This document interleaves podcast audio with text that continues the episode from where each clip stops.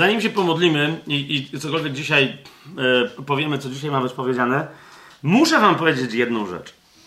Mm, żeby od początku to było, to było jasne, co się tu wyprawia. E, jesteśmy na szczycie, ale szczycie szczytów. Czyli zaczynamy list do Efezjan. Dzisiaj, jak tu jechaliśmy, mówiłem Madzi, e, dosyć trudno jest mi opisać, co się teraz wyprawia. Znaczy, czyli tak, jakbyśmy teraz mieli naprawdę wejść w list do Efezjan, tak jak ja bym chciał, żeby wejść w list do Efezjan, no to mamy najbliższe 10 sezonów. Autentycznie, to nie jest przesada z mojej strony. Dlatego powiedziałem dzisiaj do Madzi, że jak skończymy no, yy, wprowadzenia do poszczególnych ksiąg, opisy poszczególnych ksiąg i, i pewne tematy z nimi związane, jak, jak skończymy ten sposób, księg, dojdziemy do Księgi Objawienia i skończymy Księgę Objawienia, który by to sezon nie był, to wtedy zaczniemy komentarz, poważny komentarz, werset po wersecie Biblii od początku, czyli od listu do Efezjan. Nie od Księgi Rodzaju, nie od Ewangeliana, ale od listu do Efezjan. Dzisiaj macie trochę zainspirowałem i pewnie będę, czyli moją żonę, trochę, trochę męczony o to, bo ja na przykład y, osobiście chciałbym, nie wiem czy się to da zrobić czy coś, ale chciałbym mieć dom, to pomijam, no nie, ale w tym domu, bo, bo do tego potrzebny jest dom, dosyć duży salon, w którym byśmy mieli dywan przedstawiający cały tekst listu do Efezjan. Ale dywan. Bo chodzi mi o to, że, że niekoniecznie to musi być trójwymiarowa, trójwymiarowe przedstawienie, ale idzie mi o to, że to jest absolutny majstersztyk, porównaniu z którym nawet e, o ile jest dziełem list do Rzymian, to list do Efezjan jest dziełem sztuki, jeżeli rozumiecie o co mi chodzi. Nie? Jeżeli gdzieś coś moglibyśmy nazwać masterpiece, to jest dokładnie list do Efezjan. To jest jeżeli list do Rzymian e, jest, jest genialny, gdy chodzi o logikę, jest, jest katedrą logiki teologicznej, a nawet filozofii, to list do Efezjan jest stacją kosmiczną takiej logiki. Jest absolutnie, absolutnie e, niebotyczny nawet w porównaniu z listem do Rzymian. I gdy chodzi o teologię, i gdy chodzi o język, i gdy chodzi o tematykę i poskładanie jej, gdy chodzi o o, o dotykanie tajemnic, które nie są nigdzie indziej dotknięte. O tym będę mówił w ogóle kiedy indziej, ale rozumiecie, że kiedyś jeden teolog nazwał, nie pamiętam teraz jego, yy, przyjdzie na to czas, bo to nie jest dzisiaj temat. Jeden teolog nazwał list do Efezjan, dzisiaj może tylko pod koniec na, napomknę na ten temat, list do Efezjan nazwał listem z trzeciego nieba. Nie wiem, czy rozumiecie, co to oznacza. Jak nie, to dzisiaj jeszcze sobie o tym powiem. On mówi, jeżeli tego nie rozumiesz, o co chodzi z trzecim niebem, co Paweł do Koryntian napisał, swoją drogą pisząc z Efezu, to nie zrozumiesz, czym jest naprawdę list do Efezjan. Ludzie czytają list do Efezjan, wyrywają sobie tam zdanka, które są potrzebne do takiej czy innej tezy teologicznej, wiecie o co mi chodzi. I pomijają objawienie, o którym na przykład do Koryntian Paweł mówi, że nie jest pewny, czy, czy człowiek powinien go powtarzać. To objawienie. A być może może go powtórzyć, ale tylko tak, żeby inni wtajemniczeni zrozumieli, którzy wiedzą, że normalne, normalnie, normalnym językiem nie da się tego powiedzieć. Więc tworzy dzieło Duch Święty przez Pawła, teologiczne, ale też poetyckie, filozoficzne, ale też e, emocjonalne, tylko że nie emocjonalne na ludzki sposób, ale przedstawiające emocje Boże. Od początku do końca, e, rozumiecie, jeżeli nawet e, list do Rzymian czytamy i w pewnym momencie widzimy jakiś niuans, widzimy odejście od dygresję, wiecie o co mi chodzi, potem powrót i tak dalej. List do Efezjan nie ma tego typu rzeczy. Jest, jest absolutnie od początku do końca utkany i w momencie, kiedy docierasz do końca, nagle zaczynasz widzieć zaraz, zaraz i możesz czy, czytać go jeszcze raz od początku, ponieważ coś ci się ujawniło, docierasz do środka, wracasz się, przeskakujesz do końca i tak dalej. I dlatego według mnie przedstawienie listu do Efezjan dokładnie całego tekstu, każdego słowa na dywanie z jednym rozdziałem centralnym w środku i pięcioma dookoła, gdzie litery, nie litery może przesadziłem, ale yy, yy, wyrazy poszczególne powinny być pisane przynajmniej siedmioma kolorami, yy, na tle przy, przynajmniej jeszcze pięciu innych kolorów i połączone nićmi w jeszcze innych ja wiem, przynajmniej trzech kolorach, jeżeli nie dwunastu, tak? Trzech, ale w czterech odmianach, czyli dwunastu. To to by było to. Ja bym to chciał mieć, wiecie, na podłodze. Moja żona mówi, żeby wolała to mieć na, na ścianie, czyli nie wiem, jakiś arras, coś takiego. Rozumiecie, ale to no, ar, jaka duża ściana. Według mnie podłoga byłaby większa w jakimś poważnym salonie na coś takiego. To jest list do Efezjan. Dlatego, wiecie, idzie mi tylko o to, żebyśmy nie przywykali, jak teraz. W... Więc, więc, więc od razu z góry Wam mówię, że my dzisiaj odpowiemy sobie na pytanie, kto napisał list do Efezjan, bo się okazuje, że nie dla wszystkich to jest takie oczywiste i nie bez przyczyny. Do kogo jest napisany list do Efezjan? bo to, że jest ponoć napisany do Efezjan, to nawet jeżeli dojdziemy do tego, że jest napisany do Efezjan, to co to znaczy, że jest napisany do Efezjan? Do jakich Efezjan? Eee, I po co jest napisane? To jest dzisiejsze spotkanie nasze, tak? Następne spotkanie to będzie struktura tego, tego listu z możliwymi spostrzeżeniami, możliwymi kierunkami studium. Eee, a więc będziemy troszkę bardziej rozwijać temat, po co, jaki jest cel napisania tego listu jak on jest skonstruowany, żeby ten cel swój zrealizować. I być może jeszcze dwa spotkania mm, takie studyjne poświęcimy, czyli jedno E, no, tematowi takiemu dosyć, dosyć poważnemu, spośród wielu, wielu, wielu, wielu, wielu tematów poważnych w liście do Efezjan, ale takiemu, który warto poruszyć, że tak powiem, dotknąć go przy okazji listu do Efezjan. To jest temat pięciorakiej służby i jeszcze jeden temat, yy, to, to będzie mianowicie zbroja Boża. Jako w ogóle temat tyczący się walki duchowej w ogólności. I to będzie tyle, to będą cztery spotkania, bo jeżeli nie cztery, to musi być czterdzieści. Nie? I no chyba, że niektóre z nich się mi przeciągną, ale chodzi mi o to, że to są cztery takie tematy, mam nadzieję, że się w nich tu wyrobimy. Nie? Więc bardziej, wiecie, to moje wprowadzenie będzie służyło czemu? Żeby wam pokazać, jak list do Efezjan jest, jakie to jest nieprawdopodobieństwo. Ja znam ludzi studiujących Biblię tylko po to, teologów poważnych, znaczy znam albo osobiście, albo wiem o nich i korzystam z, z, ich pracy, rozumiecie, że całe ich studium biblijne służy tylko i wyłącznie temu, żeby pogłębić ich znajomość listu do Efezjan. Całe. Nie? Wszyscy wiedzą, że, że można znać całą Biblię po to, żeby lepiej zrozumieć Księgę Objawienia. Nie? I trochę są zdziwieni, że są inni, którzy dokładnie po to, dosłownie całą swoją znajomość Biblii wkładają w objawienie zawarte w liście do Efezjan. Więc wiecie, żebyśmy my, o, list do Efezjan, żebyśmy nie mieli takiego, eh, nie? Zauważcie, nie gdzie indziej, tylko w liście do Efezjan mamy te dwa zdumiewające momenty modlitwy Pawła, tak jak w liście do Efezjan w pierwszym rozdziale, 18 e, wersecie, aby Pan oświecił oczy waszego umysłu, tak? Znaczy w 17 już wersecie, aby dał wam ducha mądrości i objawienia w poznaniu Jego samego. I nie bez przyczyny Paweł mówi, że on o to prosi, bo rozumiecie, jeżeli on pisze do jakiegoś kościoła, nie mając nic do tego kościoła, tak jak w tym liście, żadnych napomnień, żadnego czegoś, ale jednocześnie pisze na takim, rozumiecie, że już na wejściu poprzeczka jest tak wysoko po, po, zawieszona, że ja myślę, że niektórzy przechodzą pod tą poprzeczką i myślą, że szczelili gola, a nie rozumieją, że tu się gra odbywa, że to jest rugby, a nie piłka nożna, no nie? I gola się strzela nad tą poprzeczką, a nie pod. Więc pod spodem to se mogą przechodzić w tej we to nie, nie, nie na tej przestrzeni. I myślą, że coś zrozumieli z listu do Efezjan. Nie? Ale ta właściwa treść w nim zawarta się znajduje tam powyżej poziomu zaznaczonego przez tę poprzeczkę, która jest zawieszona jeszcze przed tą modlitwą, aby Bóg naszego Pana Jezusa Chrystusa i tak dalej dał wam ducha mądrości i objawienia w poznaniu Jego samego, aby oświecił oczy wa waszego umysłu. I zauważcie, że drugi raz Paweł, kiedy się modli, w trzecim rozdziale, aby yy, yy, w szesnastym wersecie, aby według bogactwa swojej chwały sprawił, żeby wasz wewnętrzny człowiek był utwierdzony mocą przez Jego ducha, i osiemnasty werset, abyście mogli pojąć wraz ze wszystkimi świętymi, jaka jest szerokość, długość i tak dalej. I w dziewiętnastym wersecie i poznać miłość Chrystusa, która przewyższa wszelkie poznanie. To chodzi mi o to, że to coś, co przewyższa wszelkie poznanie, nie ma lepszej reprezentacji w Biblii, jak ten list, to jest list do Efezjan.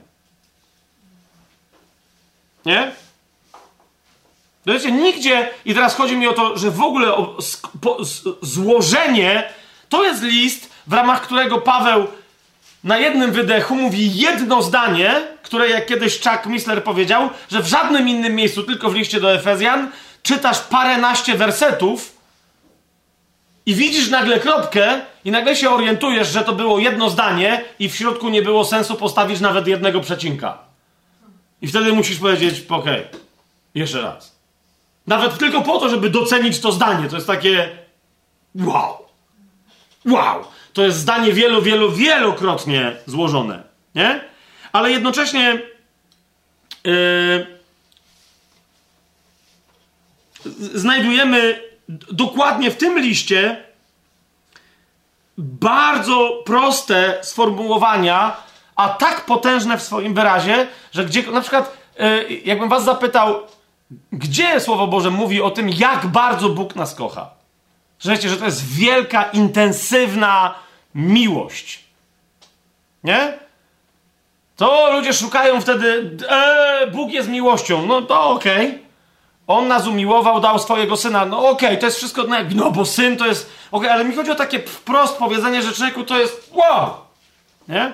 No i wtedy list do Efezjan przychodzi, który od początku mówi, że on nas wybrał w umiłowanym, ale zobaczcie na przykład drugi rozdział. I znajdźcie mi gdzie indziej, ta, nie chodzi mi o wielkie poetyckie, wiecie, określenia, z których może coś wynikać, tylko wprost. Znajdźcie mi inne tego rodzaju potężne sformułowanie, jak w do Efezjan drugi rozdział, czwarty werset. Bóg, który jest bogaty w miłosierdzie, z powodu swojej wielkiej miłości, którą tak nas umiłował. A znam ludzi, którzy, którzy jak słyszą ten fragment, mówią, gdzie to jest napisane w liście do Efezjan? Gdzie w liście do Efezjan? W drugim rozdziale, bo oni z drugiego rozdziału albo pamiętają, że on z dwóch uczynił jednego człowieka, albo pamiętają łaską, bowiem jesteście zbawieni przez wiarę, nie z uczynków. Nie? I łatwo wtedy, mając tego rodzaju filtr założony na, na oczy umysłu, nie zauważyć tego zdania. Jeszcze raz. Bóg, który jest bogaty w miłosierdzie, zauważcie, jak tu się piętrzy to doznanie. Bóg bogaty w miłosierdzie, który z powodu swojej wielkiej miłości, którą tak nas umiłował, a to jest tylko kawałek zdania. Że to nie jest to, co on nam zrobił, to jest, przy, to jest tylko mowa o przyczynie, która jest w nim tego, co on dla nas zrobił. I kim dla nas jest, i co dla nas robi, i co jeszcze robić będzie. Nie? Trzeci rozdział, dziewiętnasty werset, abyśmy mogli poznać miłość Chrystusa, która przewyższa wszelkie poznanie i abyśmy zostali napełnieni całą tą pełnią Boga. No wow! No wow! Plus, zanim się pomodlimy, dodam jeszcze, e, że no musimy mieć specjalną rewerencję, nawet jakby to wszystko was nie poruszyło, ponieważ e, list do Efezjan jest listem patronalnym tajemnego planu. jest taki jeden wyraz, który jest normalnie wszędzie inaczej przetłumaczony, ale Biblia Warszawska pozwoliła sobie właśnie w jednym konkretnym momencie tłumaczenia trzeciego rozdziału listu do Efezjan ten jeden konkretny wyraz przetłumaczyć jako tajemny plan. E, mnie się to kiedyś bardzo spodobało, do dzisiaj mi się bardzo podoba. E, I stąd nazwa całego kanału, ponieważ według mnie szczyt szczytów, szczyt objawienia którego nikt nie, już nie przekroczy tu na ziemi, bo my potem, wiecie, w przyszłości, w przyszłym wieku będziemy mieli, dalej się będą działy rzeczy, ale tu teraz ten szczyt jest dokładnie, jest on jest wyrażony wszystkiego. Wszystkiego, kim jest Chrystus, z czym przyszedł, z czym jeszcze przyjdzie, wiecie, całego zamierzenia Bożego wobec nas, wobec rodzaju ludzkiego i tak To wszystko jest jeden wyraz, e, i to wszystko jest częścią pewnego planu Bożego. Nie, nie, no właśnie. To tłumaczenie nie jest właściwe w, w, w Biblii Warszawskiej, ale to nie ma nic do rzeczy, bo, bo w tamtym w jednym miejscu mi się to bardzo spodobało, bo to ma swo, swoją logikę.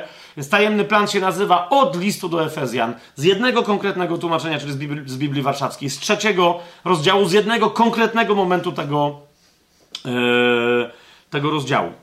No jeszcze o tym będziemy mówić, ale tylko tak sobie zażartuję, że to jest nasze Mamy te, obchodzimy teraz nasze święto patronalne. Przez 3-4, może troszkę więcej, prawdopodobnie 4 spotkania obchodzimy nasze święto tytularne e, ponieważ to sformułowanie, to, te, ta, ta fraza tajemny plan pochodzi właśnie z listu do Efezjan. A teraz się pomódlmy i działajmy. Ojcze, dokładnie, e, dokładnie tego cały czas pragną nasze serca. W całym tym studium my nie chcemy po prostu wiedzieć więcej, ale chcemy się przemieniać. Iść za Twoją sprawą, za Twoim prowadzeniem, z łaski w łaskę, przemieniać się, wpatrując w oblicze umiłowanego, przemieniać się z chwały w chwałę. Chcemy, żeby to nasze poznanie było, żebyśmy my Ciebie poznawali, żebyśmy my tak się na Ciebie otworzyli, żebyśmy my Tobie dali się poznać. Żebyś Ty miał pełną swobodę poruszania się w nas, kiedy nas poznajesz. Abyśmy, Panie, pragniemy, pragniemy napełnienia y, tym, który jest nam dany jako zadatek, jako pieczęć, ale żeby Duch Święty nas wypełnił poznaniem Ciebie, majestatu Twojej chwały, poznaniem tej miłości, która się w pełni wyraziła w Chrystusie i którą Ty chcesz nas kompletnie, całkowicie wypełnić, w której chcesz nas zanurzyć. Panie, to z wielka radość, że dotarliśmy, wow, od tylu lat y, w tym ciągu studiując, że wreszcie dotarliśmy do listu do Efezjan, e, który właśnie o takiej postawie, który nie tylko, że dotyka tego napełnienia się całą pełnią Ciebie, który jesteś miłością, ale też objawia i, i, i, i to, jak można się napełnić, i jaka, jaka jest treść tak, jakie jest Twoje działanie, kiedy Ty to robisz, Panie? Więc wow, wow, ja jestem absolutnie zachwycony tą sytuacją dzisiejszą, że mamy oto spotkanie, podczas którego rozważamy Twoje słowo, yy, które nas kiedyś na początku zainspirowało chociażby do nazwania całego to nas, tego naszego, tej naszej działalności. Panie, choć, choć będzie to jak na głębie i bogactwo tego, co się dzieje w, w tym liście, którym nam, nam dałeś, nazwanym listem do Efezjan, E, powinniśmy, po, powinniśmy siedzieć i, cieszyć się razem z Tobą tym listem przez wiele, wiele godzin. Prawdopodobnie nie będzie to aż tak długo, ale już teraz, Panie, Ci dziękujemy za wszystko, co Ty zdziałasz w nas podczas tego studium. Amen. Amen. Pierwsza rzecz, którą się muszę podzielić, którą musicie wiedzieć jako poważni studenci, ani niepoważni Słowa Bożego, to jest mianowicie przy całym tym zaznaczeniu, w co my to wchodzimy, to może teraz zabrzmi nieco przyziemnie, ale no okej, okay, ale, ale taka jest rzeczywistość teologiczna i biblijna. Mianowicie wchodzimy teraz w list do Efezjan, ale jednocześnie wchodzimy w coś, co e, jest nazwane w teologii biblijnej listami więziennymi. Okay? Są nawet kodeksy z różnych epok pochodzące chrześcijaństwa, kodeksy Nowego Testamentu, w ramach których pierwsze cztery listy to były tak zwane listy wielkie. Zwał jak zwał, nieważne z jakiego powodu, bo według mnie list do Efezjan wcale nie jest mniejszy, ale to były tak zwane listy wielkie, czyli list do Rzymian, pierwszy do Koryntian, drugi do Koryntian i list do Galacjan. Ok? Po nich następowały cztery listy więzienne. Jakie to są te listy więzienne? To jest list do Efezjan, list do Filipian, list do Kolosan, i list do jednego konkretnego kolosanina, czyli list do Filemona. Ok? To są cztery listy więzienne. Oczywiście, że my teraz list do Filemona mamy na sam koniec przed list do Hebrajczyków przełożony w, większości, w tym jak my dzisiaj rozumiemy kodeks, czyli układ pism Nowego Testamentu. E, niemniej, ze względu na te cztery listy więzienne i że to je łączy, że Paweł je pisał w tak zwanych łańcuchach z tak zwanego więzienia, no to te cztery listy są nazywane listami e, więziennymi. E, list do Filipian. E, niektórzy z jakiegoś powodu tak to sobie wyobrażają, że dosłownie tego samego dnia, to od razu chcę wam powiedzieć, że, bo, nie, bo nie wiem, to się jakoś rodzi w ludziach automatycznie, nie? Że tego samego dnia wyszło przynajmniej trzech zawodników z Rzymu, nie? Wiecie, że to jest takie, siedział Paweł i mówi, to idźcie. I oni wyszli, no nie, we, we, trzech. No nie wiem, czy to akurat tak było. Czyli list do Filipian, do Filipian zaniósł Epafrodyt. Tutaj niektórzy mieli dziwaczne dosyć rozważanie, bo, e, bo Epafras, Epafras to jest skrót od imienia Epafrodyt, e, Epafrodyt, tak? Czyli jeżeli Epafrodyt to byłby, nie wiem, polski Jan, no to Epafras to jest Jasiek. Wiecie o co mi chodzi. Jeżeli Epafrodyt to byłby Stanisław, no to Epafras to jest Staszek. Tak? No my nadal czujemy, że to jest tylko zdrobnienie, ale ono stało się niezależnym imieniem. Tak jak, nie, wiem, w angielskim, a w amerykańskim angielskim. Nie? Ktoś się może nazywać James, a ktoś inny całkiem normalnie się nazywa Jimmy. Na przykład prezydent Jimmy Carter. Tak? I trochę głupie jest potem go tłumaczyć, że się nazywał, wiesz, że prezydent się nazywał Kubuś Carter, no ale tak się nazywał. To było jego, on nie nazywał się James, tylko Jimmy, tak? Tak uznał. Tak mi się wydaje przynajmniej. Zawsze to był, jak byłem mały, to był prezydent Jimmy Carter.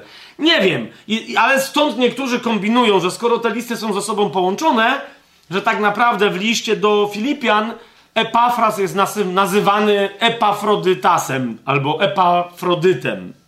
No nie. Nie będę teraz nawet w to wchodził. Przy liście do Filipian więcej sobie o Epafrodycie powiemy, ale po prostu ze względu na misję, którą mieli, ze względu na wiadomości, informacje, które mamy z samej Biblii, widać wyraźnie, że Epafrodyt, po pierwsze, to było imię dosyć powszechne, nie? Podobnie jak, nie wiem, wśród Żydów imię Jakub w tamtym czasie, nie? I my tych Jakubów nie mamy jednego, nie mamy dwóch, a nawet nie mamy trzech w Biblii, tylko więcej. I potem trzeba wyjaśnić, który jest który.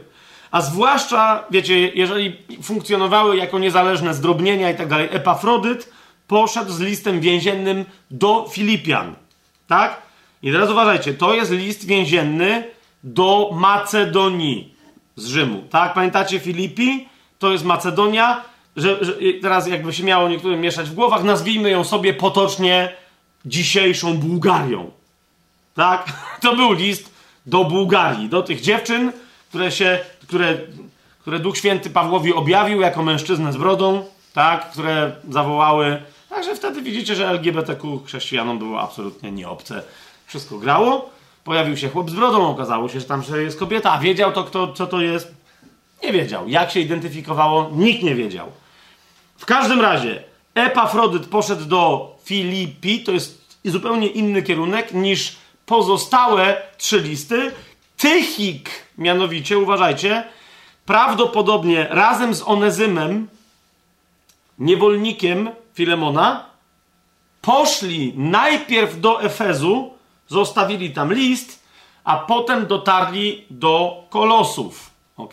To jest bardzo istotne. Kolos, to, kolosy i, e, i Efes to są miasta tej samej prowincji, którą żeśmy sobie nazwali Azją. Ona też naz bywa nazywana Azją Mniejszą. ok?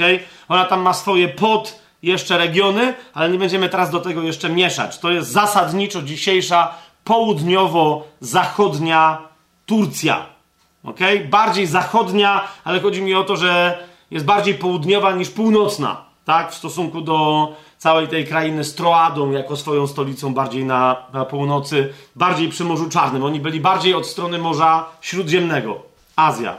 Tak? Mamy to? Jak nie, to zerknijcie do map, gdzie tam Galację pokazywaliśmy, zobaczycie, gdzie jest Azja. I teraz chodzi mi o co?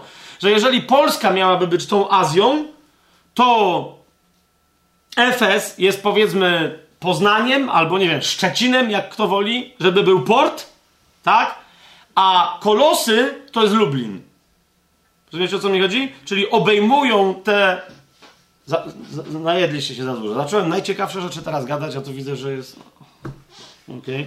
Nie będzie żadnej geografii, nie będzie żadnych zagadek, gdzie płynęła rzeka i którędy, i którędy na Sybir. Uspokójcie się, bo już widzę, że nie ma mapy, jest pan. Co? Uspokójcie się. Więc to, to jest to, ok? Wyobraźcie sobie krainę taką jak Polska, część Turcji, zwaną Azją i chodzi mi o to, że na zachodzie, ok? Tak jakby to był Poznań albo Szczecin, to jest Efes, a oni szli jeszcze, powiedzmy, że z Danii, tak? W Danii jest Filipi, tak? I oni przybyli, w Efezie zostawili list, tych ich z Onezymem jeszcze, może z innymi, ale teraz nie o nich mowa, i potem dotarli do Kolosów, tak? Kolosy obok siebie miały jeszcze Hierapolis, miały jeszcze Laodyceę, jak już mówimy o poważnych miastach, tak? I, ta, I teraz chodzi o to, że w Kolosach, jak to jest, to więcej będziemy o tym mówić na przykład przy się do Filemona, ale chodzi o to, że w Kolosach jednym z wielkich, sławnych, znanych Kolosan był Filemon, który miał niewolnika, który najwyraźniej mu uciekł, tak? Jak to tam było, to się dowiemy przy liście do Filemona. I teraz on wraca z listem od Pawła, nie tylko razem z Tychikiem, żeby przekazać list Kolosanom, ale też samemu będąc Kolosaninem, jaki Filemon i jaki Epafras na przykład przekazuje list we własnej sprawie, to chrześcijaństwo, nie? Przychodzi niewolnik, który zbiegł do swojego własnego pana i mówi: Jo, what's up? Mam od ciebie, mam dla ciebie list od Pawła. No nie? I wiem, że wszystko będzie dobrze. Ha, ha. Zatem to są te cztery listy, i tak. Yy, teraz chodzi mi o to, że. Yy, dlaczego mówię o tym wyobrażeniu, że oni wtedy wyszli razem? Bo rzeczywiście te cztery listy, uważajcie, list do Efezjan, list do Filipian, list do Kolosan i list do Filemona były naprawdę napisane bardzo blisko siebie.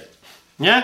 Być może nawet dosłownie w tym samym czasie, tego samego roku, a być może nawet, o czym za chwilę będę mówić, tego samego miesiąca, a może nawet tego samego tygodnia, ale w każdym razie jest to możliwe i z tym się zgadzam, że mogły być wysłane jednego dnia przez tych paru posłańców, tylko że jeden poszedł, yy, yy, wiecie, z, z Rzymu się udał, bo te listy są pisane z Rzymu. Jeden się udał do Macedonii, a cała reszta yy, się udała do dzisiejszej Turcji, tak? Czyli jedni cały czas zostali w terenie dzisiejszej bardziej Europy, a inni musieli przekroczyć Bosfor i się znaleźć yy, w Azji yy, mniejszej. Ale to są te cztery listy. Zaraz wam pokażę, skąd my wiemy, że to są listy więzienne, bo to wynika z tekstu. Ale jeszcze z jedną rzeczą się musimy rozprawić, mianowicie ludzie niektórzy podnoszą taką koncepcję, że skoro tak, to również listy do Tymoteusza powinny być dołączone do tych listów więziennych.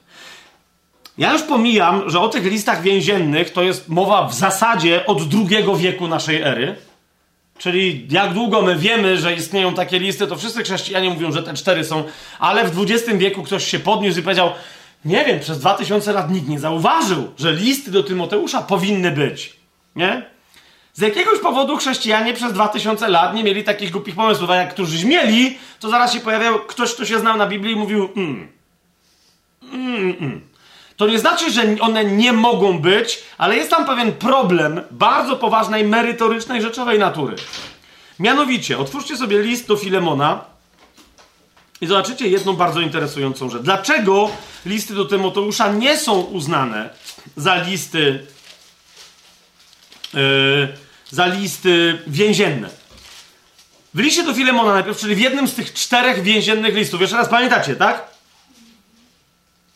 List do Efezjan, list do Filipian, list do Kolosan i list do Filemona. Cztery listy więzienne. W pierwszym, yy, w pierwszym rozdziale, no w jedynym rozdziale listu do Filemona, w pierwszym wersecie czytamy Paweł, więzień Chrystusa Jezusa i Tymoteusz, brat do umiłowanego Filemona, naszego współpracownika. Tak? Czyli czyj to jest list? To jest list Pawła i Tymoteusza. Tak? Podobnie jak list do Filipian, podobnie jak list do Kolosan, z wyjątkiem listu do Efezjan. Co nie znaczy, że, list, że, że nie było Tymoteusza przy Pawle, kiedy pisał list do Efezjan, tak? Tyle tylko, że Paweł uznał, że chce go napisać osobiście, bez kogoś współpracującego z nim, że nie ma to nie, ma tu, nie jest to istotne, żeby zaznaczyć, kto z nim jest. Ale o tym sobie jeszcze będziemy mówić, dlaczego tak się dzieje w liście do Efezjan, tak? Niemniej tutaj mamy Tymoteusza. Listy więzienne 3, na przykład ten, wspominają Tymoteusza. Jest tam, jest, Tymoteusz jest z Pawłem. Zgadza się? I teraz uważajcie.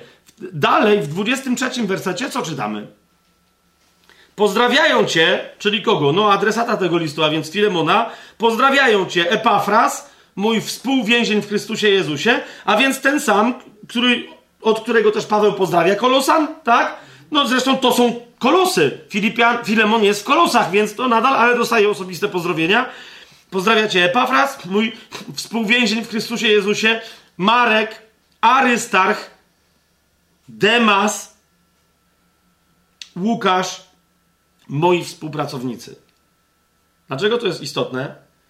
Ponieważ po pierwsze, Łukasz już jest albo znowu jest, nieważne kiedy się to dzieje, ale zaraz sobie ustalimy, kiedy się to dzieje z Pawłem, tak? Ale cały czas jest Demas. Drugi list do Tymoteusza, natomiast, niech sobie otworzymy czwarty rozdział drugiego listu do Tymoteusza, werset od 9 do 11, co tam czytamy? Po pierwsze, Tymoteusza Nie ma z Pawłem. Ale niektórzy mówią, no, bo w liście, jak pisał Paweł list do Efezjan, to Tymoteusza jeszcze nie było. Nie? No, jego jeszcze nie było. On do niego dotarł i potem list do Filipian, do Kolosan i do Filemona już pisali razem. Okej, okay, bo rzeczywiście on mówi, postaraj się przybyć do mnie szybko. No fajnie, tylko że nawet jeżeli Tymoteusza jeszcze nie było, to chodzi o to, że Demasa już nie było.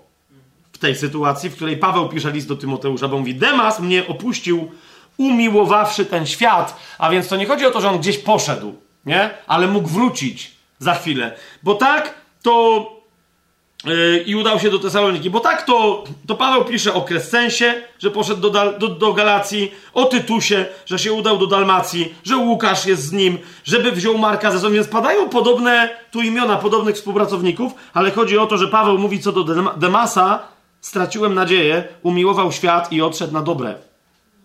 Nie? Niekoniecznie to znaczy, że może w ogóle stracił wiarę czy coś, ale odszedł ze służby. To to jest z całą pewnością, to jest pewne. Nie? Więc chodzi o to, że jeżeli y, jest taki scenariusz, jak niektórzy go rozrysowują, że Paweł pisał list więzienny do Efezjan sam, napisał dwa listy do Tymoteusza, włącznie z tym, Tymoteuszu przybywaj, z więzienia, z tego, tego rzymskiego, a potem napisał jeszcze trzy listy już, jak Tymoteusz przyszedł, to to trochę nie ma sensu, bo by to wtedy znaczyło, że Demas wrócił. A jakby na jakiej podstawie, wiecie o co chodzi? Wtedy by, by, by na pewno, wiedząc, że wcześniej uczynił zmianę, więc, więc wszyscy mówią, musimy jakoś inaczej datować listy do Tymoteusza. Czy mamy jasność tu w tej, w tej kwestii? No. E, nie. Listy więzienne to są te cztery. E, czy je chcecie tak nazywać, czy nie, to ale każdy porządny student biblijny e, po prostu musi wiedzieć, że bo, bo, gdzieś ktoś może rzucić hasłem, że Paweł w listach wielkich albo Paweł w listach więziennych. I wtedy wiesz, w których to są dokładnie te cztery. Nie, nie ma co wymyślać i, i wyważać otwartych drzwi. Teraz dlaczego, jakby skąd się bierze ten więzienny charakter e, tych listów? Otóż w dziejach apostolskich najpierw dowiadujemy się na końcu, że Paweł trafia do więzienia. E, w różnych miejscach był uwięziony i był w kajdanach i tak dalej, ale właściwym więzieniem które on nazywa właściwym więzieniem, jest, właści- jest bo, bo wcześniej był transportowany do więzienia na sprawę przed cesarzem. Tak? I nawet jak w jakimś tam miejscu nawet rok czy dwa przepędził, to dalej to był tranzyt. Więzienie docelowe to było więzienie rzymskie, które tak opisują dzieje apostolskie, to jest 28 rozdział, najpierw 16 werset. Łukasz tam mówi, a gdy przybyliśmy do Rzymu, setnik oddał więźniów dowódcy wojska, ale Pawłowi pozwolono mieszkać osobno z żołnierzem, który go pilnował. Jeżeli znacie dzieje apostolskie, pamiętacie albo sobie odświeżycie, to zobaczycie, dlaczego Paweł jest specjalnie traktowany. Nie? Ponieważ mając wielokrotnie możliwość ucieczki, nigdy nie uciekał. Co więcej, e, w transporcie więźniów, jak pamiętacie, dodawał otuchy wszystkim, powiedział, że nikt nie zginie i tak dalej, tylko zjedzcie i tak dalej, i tak dalej. No nie? Więc jakby jest lepiej, znacznie lepiej traktowany. E, ma, nazwalibyśmy to areszt domowy tak? Ma areszt domowy. Ten areszt domowy był za, za, on mógł chodzić prawdopodobnie normalnie po, po mieście, bo tak wyglądały wtedy te areszty domowe, ale musiał chodzić z pewnym znakiem tego, że jest więźniem, żeby ludzie rozumieli, że on jest więźniem Rzymu, nie?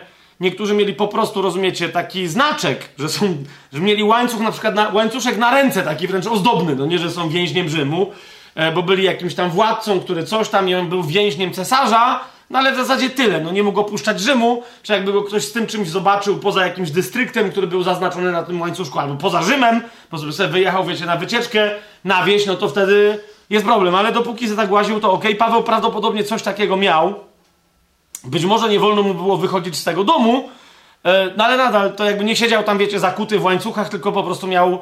E, jakąś tam bransoletę czy jakiś tam łańcuch oznaczający, że on jest więźniem, ale no wszyscy rozumieli, że on i tak nie będzie uciekał. Wielokrotnie udowodnił, że nie będzie uciekał, to nie? A wręcz, że jemu właśnie chodzi o to, żeby być w Rzymie, więc dlatego nikt się tam tego nie obawiał. I w 30-31 wersecie czytamy, że Paweł tak przez całe dwa lata siedział, może i dłużej, tyle tylko, że nam się dzieje apostolskie urywają w tym momencie, to jest 30-31 werset tego 28 rozdziału. Przez całe dwa lata Paweł mieszkał w wynajętym mieszkaniu i przyjmował wszystkich, którzy przychodzili do niego, głosząc Królestwo Boże i nauczając tego, co się tyczy Pana Jezusa Chrystusa z wszelką odwagą i bez przeszkód. Dwa lata powiedziałem, że może więcej, no bo yy, wszystko na to wskazuje, że Ewangelia Łukasza i dzieje apostolskie oryginalnie powstało dzięki Duchowi Świętemu, który uznał, wykorzystam okazję, wykorzystam Łukasza i napiszę przez niego dwie fajne książki, jeszcze jedną Ewangelię i dzieje apostolskie, ale jakby zamysł Łukasza, który przecież nie wiedział, że jest natchniony, nie? a nawet jak w pęcie się kapnął, no to nadal jego zamysł był jaki? Żeby napisać do kogoś, kto będzie reprezentować albo kto będzie brał udział w sprawie sądowej Pawła przed cesarzem Neronem. Nie? Żeby napisać mu, o co w ogóle chodzi. Z chrześcijaństwem, z chrześcijanami, z Mesjaszem, którego głosi Paweł, z Pawłem. Z, yy, wiecie o co idzie? Stąd jest Ewangelia, pierwsza księga, którą ci pisze Teofilu, nie? Księgę, którą ci napisałem, Teofilu teraz kontynuuję. Pamiętacie wstępy do dziejów apostolskich, do Ewangelii Łukasza. E, dodatkowo, no na przykład y, dzisiaj przyznam, że tam, bo chciałem coś sprawdzić, nie wiedziałem, gdzie wydawało mi się, że Chuck Missler właśnie gdzieś o czymś tam wspominał. No i nie wspominał, ale zwróciłem uwagę na coś innego, bo sobie o tym zupełnie zapomniałem. Chuck Missler w ramach jakiegoś tam wykładu nagranego 40 lat temu stwierdził, że ktoś jemu zwrócił zaś uwagę, że o tym charakterze, że to jest dokument pisany dla Rzymian, e, dla kogoś w Rzymie, świadczy między innymi co? Zauważcie, e, różni ludzie są przedstawiani jako źli, jako czarne charaktery e, w Ewangelii Łukasza i w dziejach apostolskich, ale nigdy Rzymianie. Nigdy ludzie, którzy e, służą e, cesarstwu, imperium. Nie? Oni są zawsze przedstawiani, nawet jak coś źle robią, że nie wiedzieli, że źle robią. Czyli albo wiecie, za rozruchy są odpowiedzialni Żydzi, ktoś musiał, więc to jest ewidentny, to jest ewidentnie czarny charakter i tu ewidentnie, zgadzam się, mają antysemicki charakter pisma Łukasza, nie? To są oni. Albo poganie, którzy wyznają jakieś, no bo wiecie, niekoniecznie Żydzi, no bo mówię niekoniecznie, bo. Ale w każdym razie, no nie Żydzi są odpowiedzialni na przykład za rozruchy w Efezie, tak? Tylko producenci figurek Matki Boskiej. Oni, no, no, no tak, o tym jeszcze dzisiaj będziemy mówić więcej, bo mówimy o Efezie. Więc oni, tak? Ale za każdym razem, zauważcie, jak się pojawia celnik, setnik, ktoś tam namiestnik, to to są ludzie, którzy, nie? Eee, zawsze szukają prawdy, czegoś się chcą dowiedzieć, czy wręcz się nawracają, jakby, wiecie o co chodzi.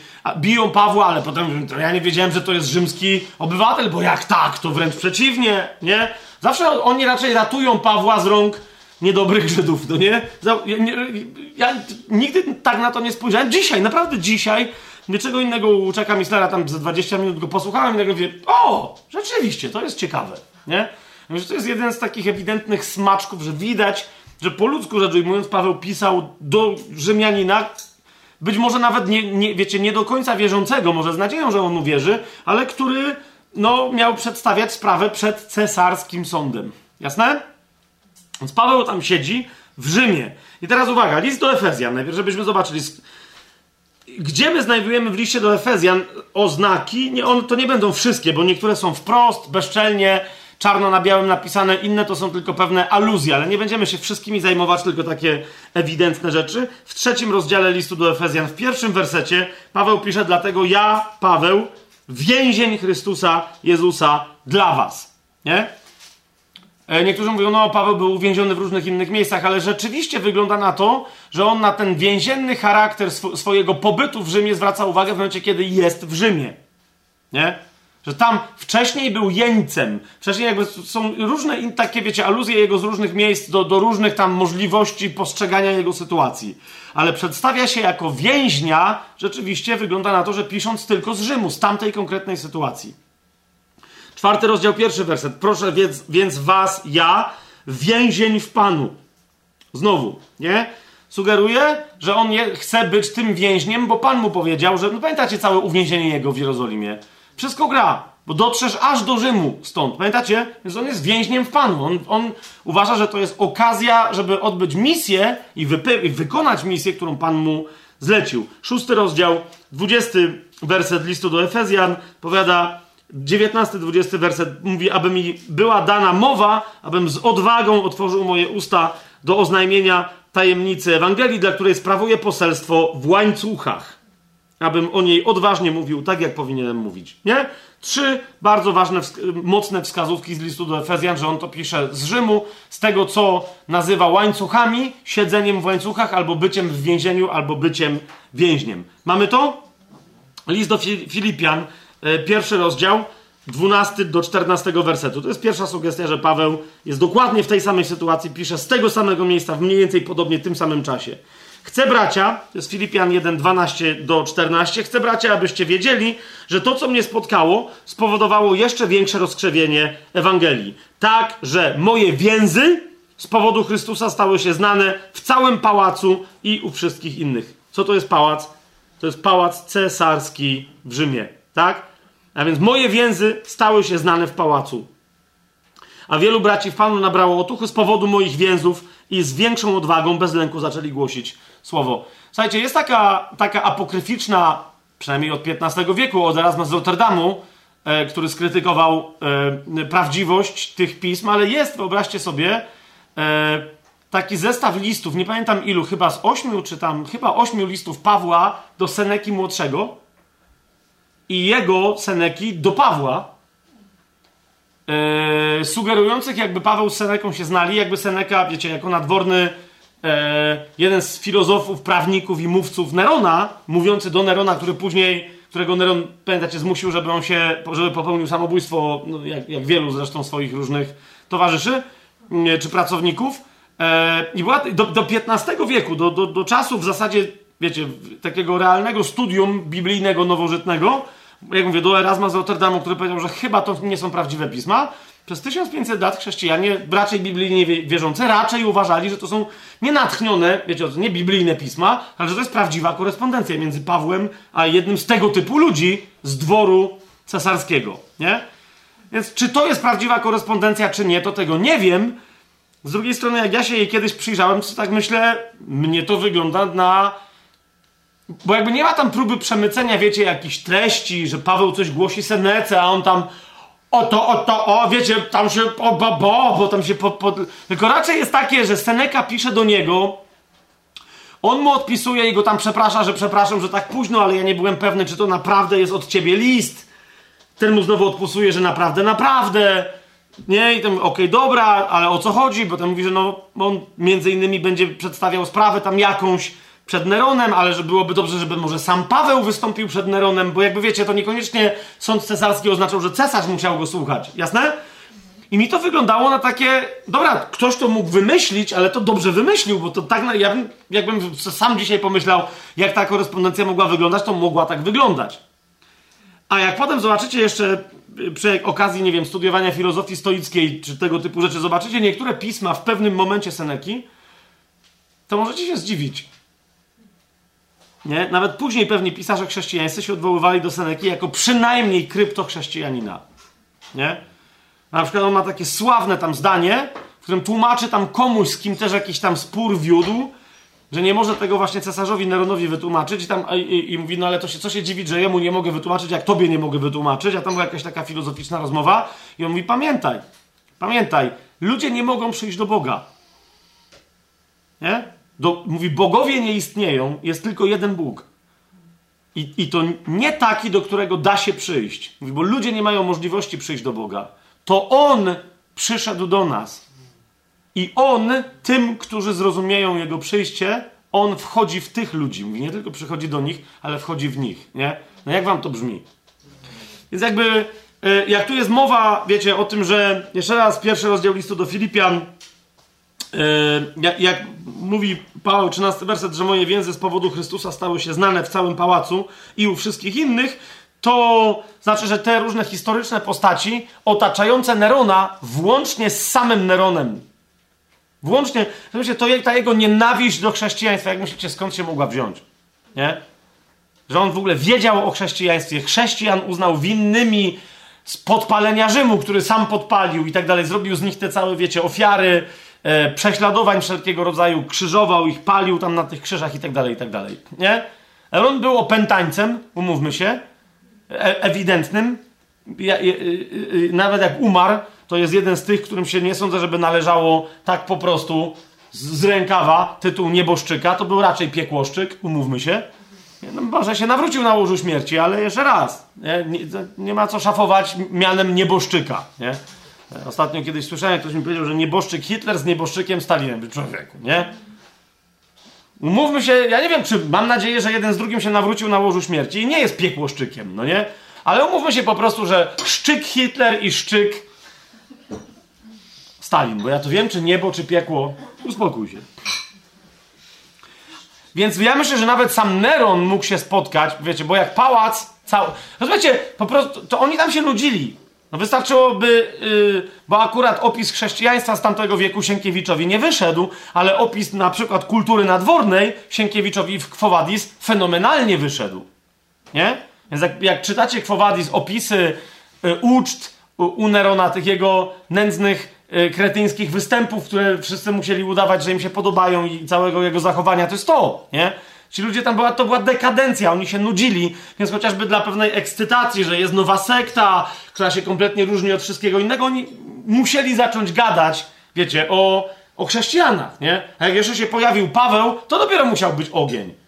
Przyjechał jakiś chłop, on, on chciał tu być, lata tu docierał, Żydzi go chcieli, wszędzie go chcą mordować, wywołuje, wiecie, sensacyjna postać, nie? Więc chrześcijanie inni zaczęli jeszcze bardziej śmiało głosić, o czym tutaj Paweł wyraźnie wspomina o tych swoich e, kajdanach. W czwartym rozdziale listu do Filipian, w 21, e, w 22 wersecie, e, no on tam wcześniej mówił o, o tym, no, ale no nieważne, mówi, że jest tam, jest, pozdrówcie każdego świętego w Chrystusie Jezusie, pozdrawiają was bracia, którzy są ze mną, pozdrawiają was wszyscy święci, szczególnie zaś ci z domu cesarskiego. Nie? Czyli widzicie, że nie tylko w pałacu ludzie, którzy mogli odwiedzać pałac, arystokracja, być może ktokolwiek, może niewolnicy, ale ludzie, którzy się znajdowali w najbliższym otoczeniu Nerona, e, byli nawróceni. I Paweł, mm, no właśnie, Paweł tu nie, nie, nie, nie pisze, którzy to są. Nie? A o tym jeszcze, nie, jeszcze więcej będziemy mówić, ale zwróćcie uwagę. W dobie Facebooka, Instagrama, TikToka i wszystkich innych rzeczy, gdzie ludzie wywalają niby twardo pilnując, e, wiecie, e, swojej prywatności, prywatności innych wierzących itd., tak itd. Tak no właśnie, tam wtedy nie było dostępu łatwego do jakiejkolwiek informacji. I i tak Paweł wiedział, kiedy co do kogo pisał i gdzie kogo mógł pozdrowić z imienia i, i z nazwiska, że tak powiem, a gdzie mówił pozdrawiają was, wiecie kto. Nie? Piotr tak się zakamuflował, że w pewnym momencie stwierdził, że pozdrawia wszystkich z Babilonu i nikt nie wiedział, czy z prawdziwego Babilonu, czy z Rzymu. Nie? Znaczy nikt nie wiedział, tam wtedy wiedzieli, e, ale my dzisiejszego, dzisiaj tego slangu chrześcijańskiego nie znamy, więc my nie wiemy, czy rzeczywiście oni wtedy Rzym nazywali Babilonem, czy, czy nie nazywali, no nie wiemy, tak? Jest, tu, tu na dwoje można byłoby to interpretować. List do Kolosan, pierwszy rozdział, czyli trzeci z tych listów więziennych, 24 werset. Paweł tam pisze, teraz raduje się w swoich cierpieniach dla was i tego, czego z udręk Chrystusa brakuje w moim ciele, dopełniam dla Jego ciała, którym jest Kościół. W czwartym rozdziale listu do Kolosan, w dziesiątym wersecie pisze Paweł, pozdrawia was Arystarch, mój współwięzień. No więc jeżeli Paweł ma współwięźnia, to znaczy, że on jest więźniem, tak? W osiemnastym wersecie Paweł mówi, pozdrowienie moją Pawła ręką, pamiętajcie o moich więzach. Łaska z wami. Amen. Więc mamy ko kolejne tutaj wyraźne ślady i wspomnienia tego, że Paweł zaznacza, hej, pamiętajcie w jakiej znajduje się sytuacji, żebyście wszystko dobrze rozumieli. W liście do Filemona, wreszcie jego sobie otworzymy, czyli czwarty list więzienny przed listem do Hebrajczyków. Jeszcze raz przypomnę, w pierwszym rozdziale, czyli w jedynym, w pierwszym wersecie Paweł się przedstawia, wręcz Paweł, więzień Chrystusa Jezusa i Tymoteusz, brat. Ok? E, potem w dziewiątym wersecie czytamy: Ze względu na miłość, raczej proszę, będąc tym, kim jestem, Pawłem, starcem, a teraz i więźniem Jezusa Chrystusa. Kolejny raz i jeszcze raz w 23 wersecie pozdrawiają cię Epafras, mój współwięzień w Chrystusie Jezusie. Marek. Zauważcie, że wcześniej Y, do Kolosan współwięźniem został nazwany Arystarch. Nie? Tu ze względu na to, że y, Filemon pewnie nie zna Arystarcha, wiecie o co chodzi, aż tak dobrze, więc, więc tu go pozdrawia współwięzień Epafras. Nie? No ale ci, którzy są ze mną, oprócz braci, którzy są w, w, w domu cesarskim, no to oni tutaj zasadniczo są wymienieni. Epafras, Arystarch, Marek, Demas, Łukasz i tak dalej. Nie?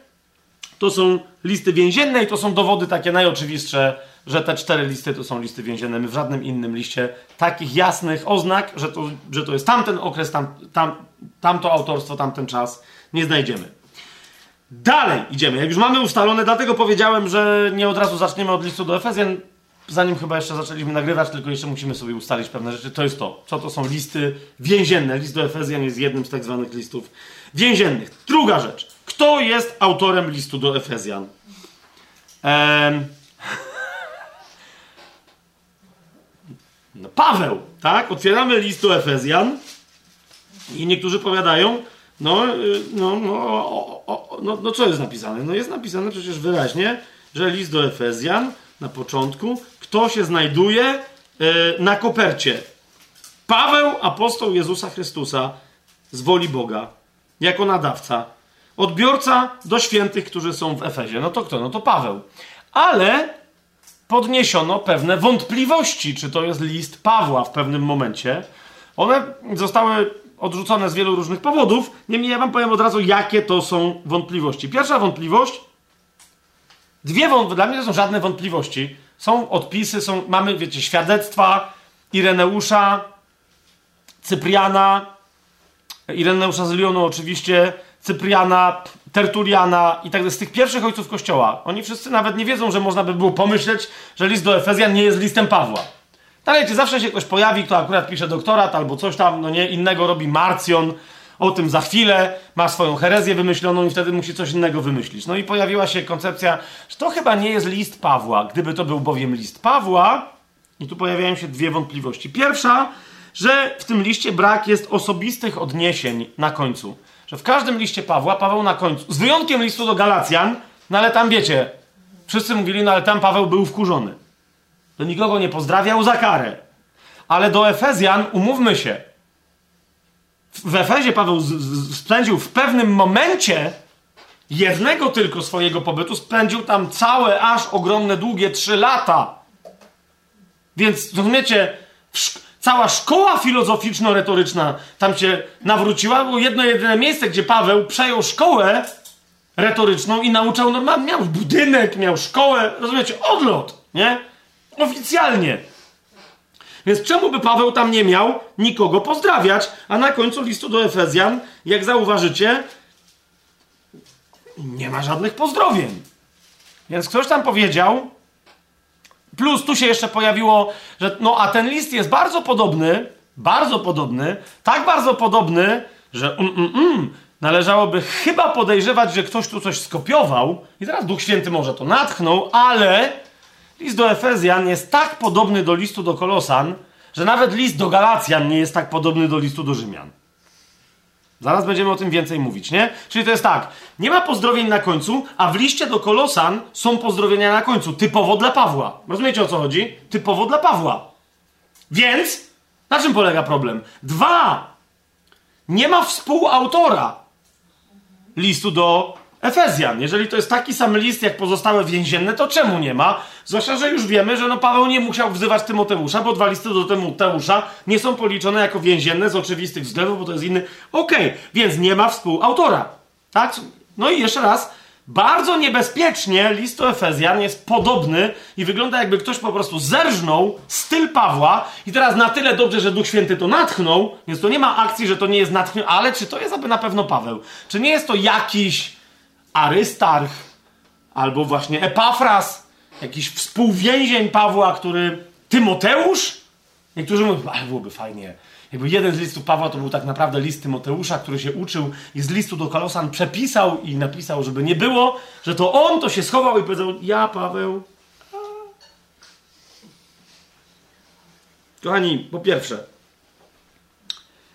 list do Efezjan to nie jest list do Kolosan, Niezależnie od tego, jakby były podobne, chodzi mi o miejsce geograficzne. Jak zauważycie w liście do Kolosan, inaczej, w Kolosach, w tym czasie sytuacja jest bardzo podobna. Tam było takie, nazwijmy to, trójmiasto. Nie? Nie takie jak nad morzem jest trójmiasto, ale ta, takie miasta, że były na tyle w odległości od siebie, że były, wiecie, dostępne nawzajem. Czyli Hierapolis, Kolosy i Laodycea. Trzy miasta. Tak?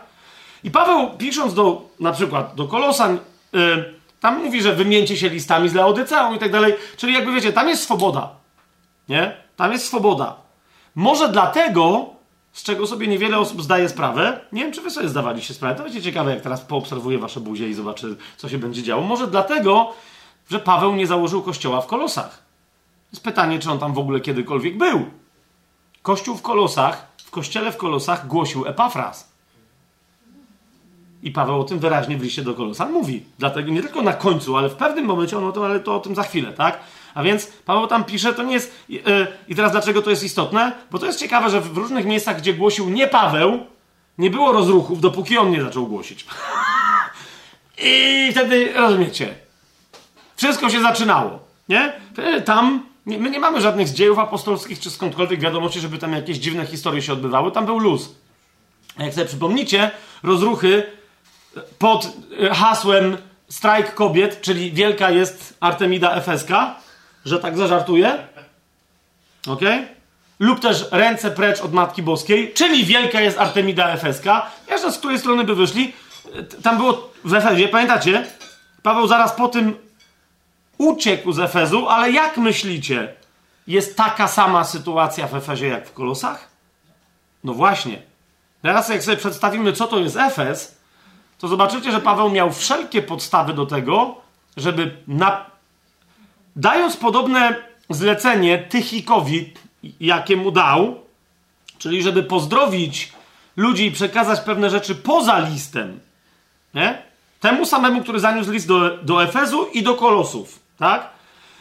To najwyraźniej w Efezach, do Efezu, do Efezjan, całe zlecenie dla Techika polegało na tym wszystkie pozdrowienia od nich, dla nich cokolwiek przekażesz osobiście, ale nie napiszę w liście, którzy to są z naszych. Rozumiecie o co chodzi? Bo wręcz to tak wygląda, zobaczcie, nie masz żadnych pozdrowień. W liście do kościoła, który się kompletnie różni od, od, od kościołów Galacji, bo Paweł nie ma żadnego problemu z Efesem. On rozumiecie, on ich nie, nie atakuje, że ale mam wam za złe, ale zupełnie super. Jest elegancko i teraz będzie jeszcze bardziej eleganciej. Nic. No to czemu nie ma pozdrowień? No właśnie. Paweł tylko mówi, zobaczcie, szósty rozdział, 21 werset, żebyście zaś wiedzieli i wy, co się ze mną dzieje i co robię, wszystko oznajmi wam Tychik, miły brat i wierny sługa w Panu, którego posłałem do was właśnie po to, abyście poznali nasze sprawy i aby pocieszył wasze serca. Rozumiecie? Rozumiecie, co on tu pisze? Słyszycie, co on tu pisze? Którego posłałem właśnie po to. Nie? W liście do Kolosan, jak go sobie otworzymy,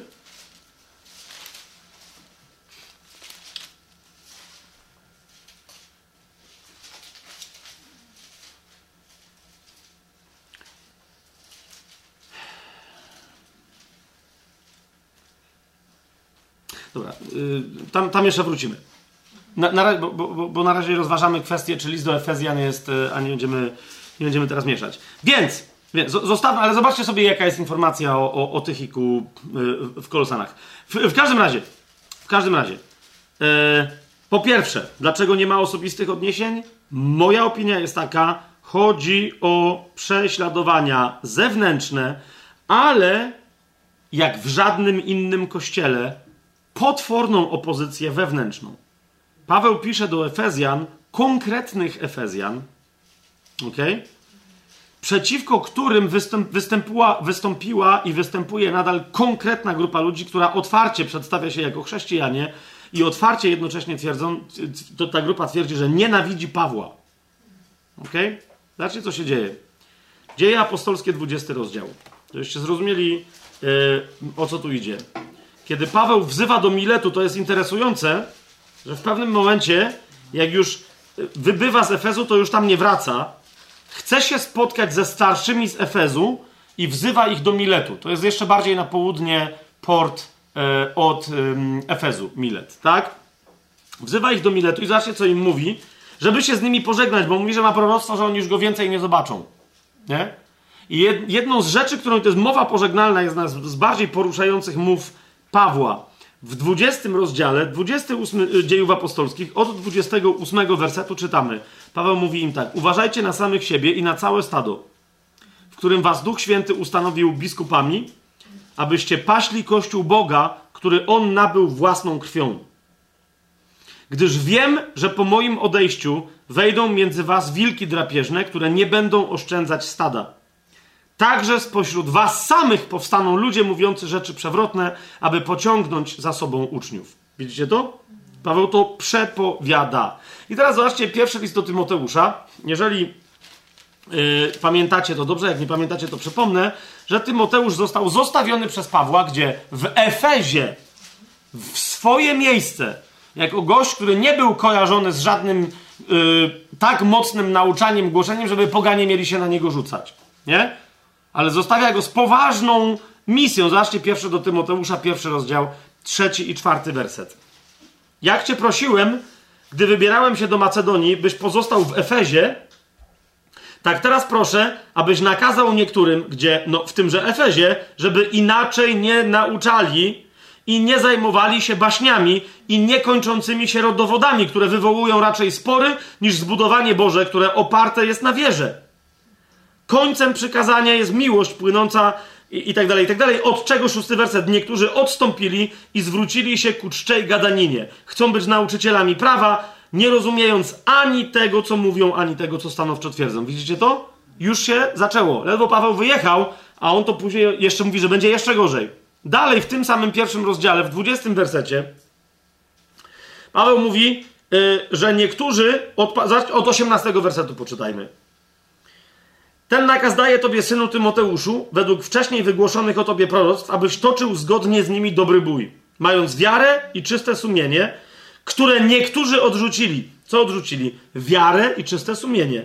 I stali się rozbitkami w wierze. Do nich należą Hymenaios i zwróćcie uwagę na to imię Aleksander. Na Hymenaiosa też, ale zwróćcie uwagę na imię Aleksander. Okay? Do nich należą Hymenaios i Aleksander, których oddałem szatanowi, żeby nauczyli się nie bluźnić. Zauważyliście, co się już tam zaczęło dziać? Nie? A oni wzięli ze sobą uczniów, oni powiedzieli, to my jesteśmy prawdziwymi chrześcijanami. W drugim liście do Tymoteusza Paweł znowu do niego pisze w pierwszym rozdziale, w piętnastym wersecie, wiesz o tym, że odwrócili się ode mnie wszyscy, którzy są w Azji, której stolicą jest Efes. Więc także w Efezie a do których należą Figelos i Hermogenes. Czyli powstała tam, rozumiecie, cała ekipa nazywająca się chrześcijanami, którzy wystąpili wprost przeciwko Pawłowi, jego nauczaniu i wszystkim, którzy e, w, jego nauczaniu, e, w jego objawieniu chcieli trwać. W drugim do Tymoteusza, dalej w czwartym rozdziale, jeszcze raz czytamy 14-15 werset. Aleksander, Ludwisarz, Zwracam wam jeszcze raz na to uwagę, co to znaczy. Wyrządził mi wiele zła, ale wcześniej jest nazwany w pierwszym do Tymoteusza kimś, kto był w wierze, ale odpadł. Jeszcze raz wam zwracam uwagę na imię Aleksander, bo ona nam tu powróci. Aleksander Ludwisarz wyrządził mi wiele zła, niech mu Pan odda według jego uczynków. I ty się go strzeż, bo bardzo sprzeciwiał się naszym słowom. Mnie się sprzeciwiał, tym bardziej tobie się będzie sprzeciwiał. Gdzie? W Efezie. Bo Tymoteusz jest dalej w Efezie, kiedy Paweł do niego tutaj pisze. Widzicie o co mi idzie? Więc jeżeli Paweł pisze do Efezu, nie wie w czyje ręce trafi list, który pisze. On go pisze do jednej konkretnej grupy, jak zaraz sobie, na, bo na razie, na razie się pytamy, czy to Paweł napisał list do Efezjan. Teraz się zapytamy, czy on go napisał do Efezjan, tak? I o to mi chodzi. No do Efezjan, ale do konkretnych Efezjan. Nawet wśród chrześcijan z Efezu, którzy się za takowych podawali. Nie? Więc widzicie, to nie listy Pawła do Efezjan, list Pawła do Efezjan, ten jeden, to na pewno nie jest list do Aleksandra i do jego popleczników. Nie? Po, po prostu. Stąd nie ma pozdrowień, według mnie to jest oczywiste, na końcu listu do Efezjan. To jest po pierwsze. Po drugie, nie ma współautora. No, tak samo w liście do Galacjan nie ma współautora. Niektórzy mówią tak, bo Paweł tam był, tam był wkurzony a w liście do Efezjan nie jest. W liście do Rzymian nie był wkurzony i też nie ma współautora. Jest? w liście do Rzymian nie ma, w liście do Galacjan nie ma, w pierwszym i w drugim liście do Tymoteusza nie ma, w liście do Tytusa nie ma. No ale jak niektórzy mówią, no ale to są osobiste listy Pawła do jego synów apostołów, okej. Okay. To masz trzy listy, dwa do Tymoteusza, jeden do Tytusa, gdzie nie ma współautora i masz trzy listy bez współautorstwa, czyli do Rzymian, do Galacjan i do Efezjan. To nie jest jakaś dziwna rzecz, że nie ma współautora w liście do Efezjan, nie? Ale dodam coś, co już dzisiaj mówiłem. Nie ma tam współautora. Dlaczego? Bo, no, zrozumiemy to jeszcze głębiej, jak dotrzemy do miejsca, dlaczego list do Efezjan jest nazywany listem z trzeciego nieba. Paweł tam wyraźnie mówi, że dzieli się pewną taką częścią objawienia, która została tylko jemu zlecona i on jest odpowiedzialny za jej przedstawianie. Rozumiecie, o co mi chodzi? Cała reszta może tylko na to powiedzieć amen, bo ma to, ale wyrazem tych prawd, za wyraz tych prawd jest odpowiedzialny Paweł, a nie ktoś inny. Teraz, kochani, kolejna rzecz. Bardzo istotna kolejna rzecz. Istnieje rzeczywiście niesamowite podobieństwo między listem do Efezjan a listem do Kolosan. Nie? Sensacyjne podobieństwo. Istnieje podobieństwo i my je widzimy między listem do Rzymian i listem do Galacjan. Nie? Czemu nikt nie powiedział, list do Galacjan jest skopiowany i to nie napisał Paweł, tylko, no, bo po prostu, bo jest, bo to nie jest kopia. Nie? Ale nie wiem czemu pojawiły się w momencie takie głosy, że list do Efezjan jest rozbudowaną kopią listu do Kolosan. Po prostu to siat tam kopista, że jest tam wiele fragmentów tak po prostu ściągniętych z listu do Kolosan, że to musi być kopia. I na tym tylko na tej podstawie się, że zrodziła cała kontrowersja. Jest taki y, badacz, widziałem u niego, ja to sobie uprościłem, C.L. Mitton się nazywa. On mówi, że po, podaje dokładnie procenty. Ja ich nie pamiętam. 24 i ileś tam dziesiątych, ale rozumiecie, wykorzystanych słów, zwrotów w koncepcjach i tak dalej w poszczególnych wersetach. Ja to uprościłem do następującej informacji. Tenże Mitton stwierdza, i rzeczywiście na to wygląda, że aż jedna czwarta listu do Efezjan, jak czytasz list do Efezjan, znajduje się w liście do Kolosan. I ponieważ list do Kolosan jest mniejszy, w drugą stronę, aż jedna trzecia listu do Kolosan znajduje się w liście do Efezjan. Nie? Wow! Tyle tylko, kochani, że tak ogromna ilość materiału stanowi dowód na to właśnie, że to nie jest kopia, ale że to są dwa różne oryginały tego samego autora. Dlaczego? Ponieważ kopista nigdy nie kreuje oryginalnych koncepcji. On tylko zżyna, rozumiecie, koncepcje, często posługując się tymi samymi określeniami. I teraz co się okazuje? Jeżeli będziemy próbować znaleźć dosłownie brzmiące zwroty, to z wyjątkiem typu grzecznościowych, ale nawet tutaj, zauważcie, list do, list do Efezjan, list do Kolosan nawet nie mają jednego autora na początku, żeby było, że Paweł i Tymoteusz, tylko jest Paweł, a tam jest Paweł i Tymoteusz, więc nie ma... Chodzi o to, że nawet w pozdrowieniach i tak dalej znajdziecie zaledwie, jeżeli się uprzecie, trzy miejsca, które brzmią prawie tak samo. Trzy miejsca. Krótkie. Cała reszta natomiast, ta jedna trzecia listu do Kolosan w liście do, e, listu do Efezjan w liście do Kolosan, albo jedna czwarta listu do, do Kolosan w liście, w liście do, no, odwrotnie, nieważne. Rozumiecie? To jest podobieństwo tematyki, ale w, w, tak oryginalnym ujęciu, że widać, że ten sam autor myśli o tych samych rzeczach, ale ze względu na swoich adresatów mówi jakby raz, że stawia zupełnie inny kontekst i ma inny cel posługiwania się tymi samymi sformułowaniami. Czy to jest jasne, co, co zaraz powiedziałem? To jest dowód na to, że jest, to jest ten sam autor. Nikt inny nigdzie w ogóle nie posługuje się pewnymi konceptami. Zaraz, zaraz wam je pokażę, ale robi je nie w taki sposób, że wiecie, że je zżyna z własnego listu, ale tymi samymi konceptami posługuje się w absolutnie oryginalny sposób. Przykład. I teraz jeszcze raz, to nie tylko świadczy o tym, że to nie jest kopia, ale udowadnia autorstwo Pawła. Jakby ktoś był jeszcze yy, zdziwiony.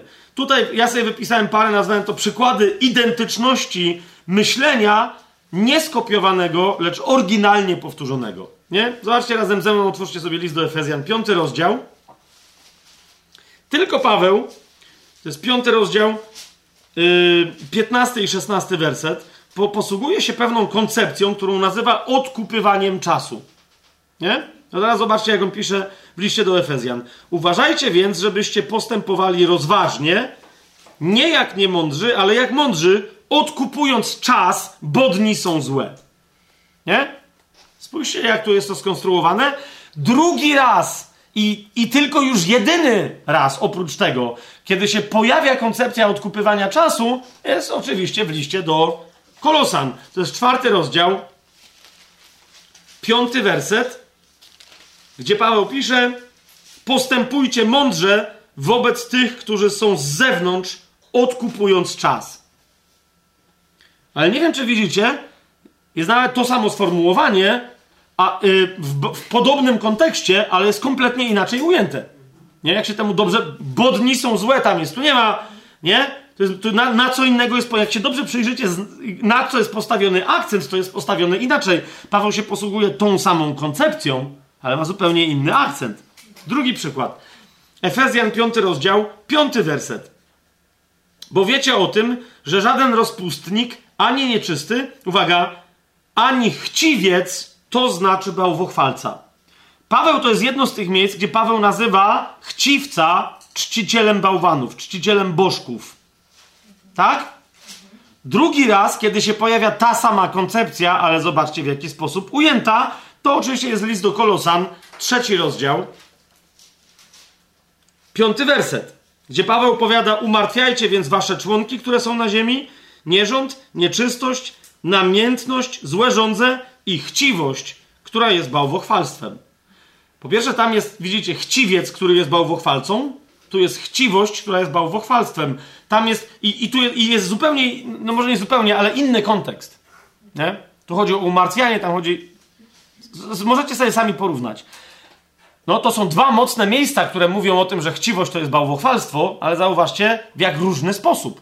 Widać, że te same myśli przechodzą przez autora, więc hmm? I, i następny przykład. Efezjan, czwarty rozdział, drugi werset. Nie, tam się pojawia taka myśl z całą pokorą, łagodnością i z cierpliwością, znosząc jedni drugich w miłości. I potem ta myśl jest rozwinięta w piątym rozdziale, w dwudziestym pierwszym wersecie, będąc poddani sobie nawzajem w bojaźni Boga. Tak? Będąc poddani sobie nawzajem w bojaźni Boga. I jeszcze raz, czwarty rozdział, drugi werset, znosząc jedni drugich w miłości. Widzicie to? To? To jest cała tam połączona myśl, nie będę teraz tego pokazywać, ale teraz w trzecim rozdziale listu do Kolosan, w trzynastym wersecie znajdziemy sformułowanie znowu znosząc jedni drugich i przebaczając sobie nawzajem, jeżeli ktoś ma skargę przeciw drugiemu, jaki Chrystus przebaczył wam, tak i wy w domyśle pozostałym. Znowu yy, macie znosząc jedni drugich, ale zauważcie, w jak innym kontekście jest po, ta sama zasada przedstawiona w liście do Efezjan, a nie, nie zupełnie innym, jeszcze raz, ale o, o, co, o coś zupełnie innego chodzi. Tak? I ostatni przykład, yy, których jak chcecie sobie zrobić ćwiczenie, to znajdziecie znacznie więcej w liście do Efezjan w czwartym rozdziale. W szesnastym wersecie czytamy o ciele Chrystusa i tam czytamy, że z niego całe ciało, czyli z Chrystusa, harmonijnie złożone i zespolone we wszystkich stawach, dzięki działaniu każdego członka stosownie do jego miary przyczynia sobie wzrostu dla budowania samego siebie w miłości. Nie? I potem ni stąd, ni zowąd w liście do Kolosan znajdujemy do, dokładnie ten sam obraz, ale patrzcie, jak wyrażone w drugim rozdziale, w dziewiętnastym wersecie, a nie trzyma się głowy, że jeżeli ktoś coś robi, tak, tam, a nie trzyma się głowy, z której całe ciało odżywiane i wespół zespolone przez stawy i ścięgna rośnie wzrostem Bożym. Widzicie? Ten sam obraz, ta sama dynamika, ale kompletnie o co innego chodzi Pawłowi tutaj, a o co innego tam. I naprawdę tam mówi o pięciorakiej służbie, to mówi o tym, żeby nie popadać w religię. Nie? Tam mówi o dojrzałości, tu mówi o niedojrzałości. Ale kontrastuje jedno i drugie z czym? Z dynamiką wzrostu ciała. I teraz o co mi idzie? Tego typu podobieństw znajdziecie więcej. Ale powiedzcie mi, widzicie tu gdzieś kopistę? Więc ja nie wiem skąd to się. Rozumiecie, to, że istnieje tak wielkie podobieństwo, świadczy tylko o czym? O tym, że ktoś miał rację, myśląc, że Paweł, wiecie o co chodzi? Tu dyktował list do Kolosan, a tu list do Efezjan. Nie? I mówi to, albo jeden po drugim dyktował. Nie? I, I jakby rzeczy, którymi żył, które głosił, tak? Będąc w Rzymie, których nauczał, to wiecie, to ja to widzę czasem po sobie. Jak mamy tutaj nauczanie, jak potem echa tego nauczania się pojawiają e, na spotkaniu w sobotę, gdzieś tam wyjeżdżamy, jest jakieś, wiecie, jakieś głoszenie i tak dalej. Jeżeli ja, zwłaszcza jak się czymś osobistym dzielę, jakieś przykłady podaję, coś ja przeżywam i rozważam, nie? To to się po prostu pojawia. A tu jeszcze Paweł wie, że musi przekazać, tylko widzicie, kontekst tu jest jaki? Paweł pisze do Efezjan, bardzo zadowolony z Efezjan, świadom, że, że są glebą podatną, żeby się czegoś nauczyć, a w tych samych aspektach dowiedział się, że kolosanie odpadają od wiary i ulegają różnym kretynizmom dziwacznym i herezjom. I dokładnie w tych samych tematach Paweł do nich pisze, żeby im o pewnych rzeczach przypomnieć, żeby ich przywrócić do wiary, do czystości wiary. Nie? I, I ten kontekst tu widać, że Paweł ma, pisze o tych samych rzeczach, ale w dwóch różnych sprawach. Efezjanom rozwija i pogłębia jeden konkretny temat, ale jeszcze nie, nie mówimy jaki, no bo jeszcze się nie zapytaliśmy, po co jest napisany list do Efezjan. A Kolosanom pisze w zasadzie o tym samym, ale nie po to samo. Tak? Czyli to, co, co Efezjanom Paweł rozwija i pogłębia w sensacyjnie fantastyczny sposób, to kolosanie Paweł uważa, że tracą i próbuje ich do tego czegoś przywrócić. Jasne? Więc jeszcze raz, tym bardziej widać, że jest autor ten sam i że to jest ten sam genialny autor. Teraz, kochani, następnie, czyli mamy jasność? To jest Paweł, tak? Wszyscy starożytni mówią, no, no pewnie, że Paweł, któż by inny. No ale jakby ktoś wam wrzucił jakieś tego typu wątpliwości, to mamy odpowiedź. Teraz, do kogo jest napisany list do Efezjan? Dlaczego tu się zaś pojawia wątpliwość? Jeszcze raz, otwieramy list do Efezjan i mamy tu napisane, no właśnie, co my tu mamy napisane? Apostoł Jezusa Chrystusa, Paweł, to już wiemy, on napisał ten list z całą pewnością, to jest jego styl, jego rozważania, jego głębia do świętych, którzy są w Efezie i wiernych w Chrystusie Jezusie. Mhm. To jeszcze dodam wam, zanim pójdziemy dalej, nie całość adresu w liście do Efezjan, ale na razie chcę się odnieść do pewnej wątpliwości, którym, którą ze względu na podobieństwo między listem do Efezjan a listem do Kolosan i jedną wzmianką, którą Paweł poczynił w liście do Kolosan, którą, którą podniósł nie kto inny, jak sam prześmiesznej pamięci Marcjon. Kto, co to za, wiecie, schizmatyko, heretyk, co, kto to on był i co on tam nie nawymyślał, to teraz jest co innego, bo on się zajmował głównie wycinaniem rzeczy z Biblii, ponieważ miał taką teologię, że co i róż mu ktoś do niego przychodził i mówił, tego nie ma w Biblii. No to on to wyrzucał i mówił, no, no nie ma rzeczywiście. Nie? I, I próbował stworzyć Biblię, która będzie potwierdzeniem jego koncepcji. Nie? Że Bozia jest dobra, zasadniczo. Fałszywy obraz niby miłującego Boga. To był Marcjon. Ale, ale w pewnym momencie, jak już Marcjon się rozpędził i już zaczął mieszać, to nagle stwierdził, że list do Efezjan to nie jest list do Efezjan. Efezjanie, których nie lubił, już teraz nie wnikał zaś czemu, ale nie lubił, stwierdził, tam by Paweł pisał do Efezjan. To nie jest list do Efezjan, każdy wie, że Efezjanie to są złodzieje, taka była koncepcja Marcjona, trochę przesadzam teraz, ale nie do końca. I, mówi, I oni po prostu ukradli list, o którym Paweł pisze w liście do Kolosan. W liście do Kolosan w czwartym rozdziale Paweł mianowicie napisał w szesnastym wersecie kiedy ten list zostanie u was przeczytany, dopilnujcie, aby przeczytano go także w kościele w Laodycei. A wy, abyście przeczytali ten list, który napisałem do Laodycei, a więc abyście przeczytali ten list z Laodycei. I teraz yy, Marcjon wyskoczył z koncepcją, że więc ten list do Efezjan jest tak podobny do listu do Kolosan, że to jest list do Laodycei ukradziony przez Efezjan. Po pierwsze, po pierwsze, kochani, my nie wiemy, co było napisane w liście do Laodycei, ale Laodycea miała podobny problem, bo była niedaleko, jak Kolosy i jak Hierapolis, również wspomniane w 13 wersecie czwartego rozdziału listu do Kolosan. Daje mu bowiem świadectwo, że gorliwie troszczy się o was, czyli o Kolosan i o tych, którzy są w Laodycei i w Hierapolis. Widzicie to? Te trzy miasta były tak ze sobą bliskie, że jest niemożliwe, żeby Kolosanie mieli jakiś problem, który Paweł ewidentnie adresuje, a Hierapolis i Laodycea, żeby nie miały tego problemu. Rozumiecie, co, co mówię? Tymczasem list do Efezjan jest listem do kościoła, który nie ma tego problemu, wręcz przeciwnie. Jasne? Więc to yy, po co by miał, rozumiecie, po co by miał pa Paweł pisać do, do Kolosan? Wy macie problem, ale potem dla równowagi przeczytajcie list drugi, który napisałem do ludzi, którzy nie mają problemu. Co by im, czym by im to, co by im to zrównoważyło? To jest nonsens, tak? To nie jest nie jedyny, to nie jest jedyny nonsens, e, który wymyślił, e, który wymyślił e, Marcjon, ale akurat w tym miejscu, bo on jeden się czepiał, ale akurat w tym miejscu se zapomniał, co mianowicie, że wszystko na to wskazuje, że list do Laodycei był napisany prawie że tak samo. Z jakichś powodów był rozróżniony, nie? Jakich? No może dlatego, że Laodycejczycy byli już wtedy tak dumni, żeby się obrazili, że mają mieć ten sam list co Kolosanie. Nie? Nie wiem. Ale może były inne sprawy, tak? Więc Paweł napisał osobny list do Laodycei i do Kolosów, ale prawdopodobnie w tym samym czasie zupełnie przyniesiony przez tych samych y, posłańców, a więc autorstwo tego listu musiałoby być również to samo.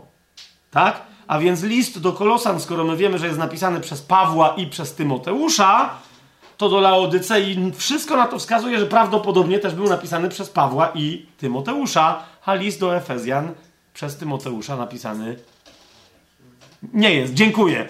Więc tak to jest, jak ktoś, wiecie, próbuje coś znaleźć, czego niby nikt w Biblii nie odkrył. No nie? Okej, okay, okej. Okay. Więc nie. Po drugie, no to, co dla innych było innym tam argumentem, po drugie zauważcie, w liście do Kolosan pozdrowienia są absolutnie otwarte.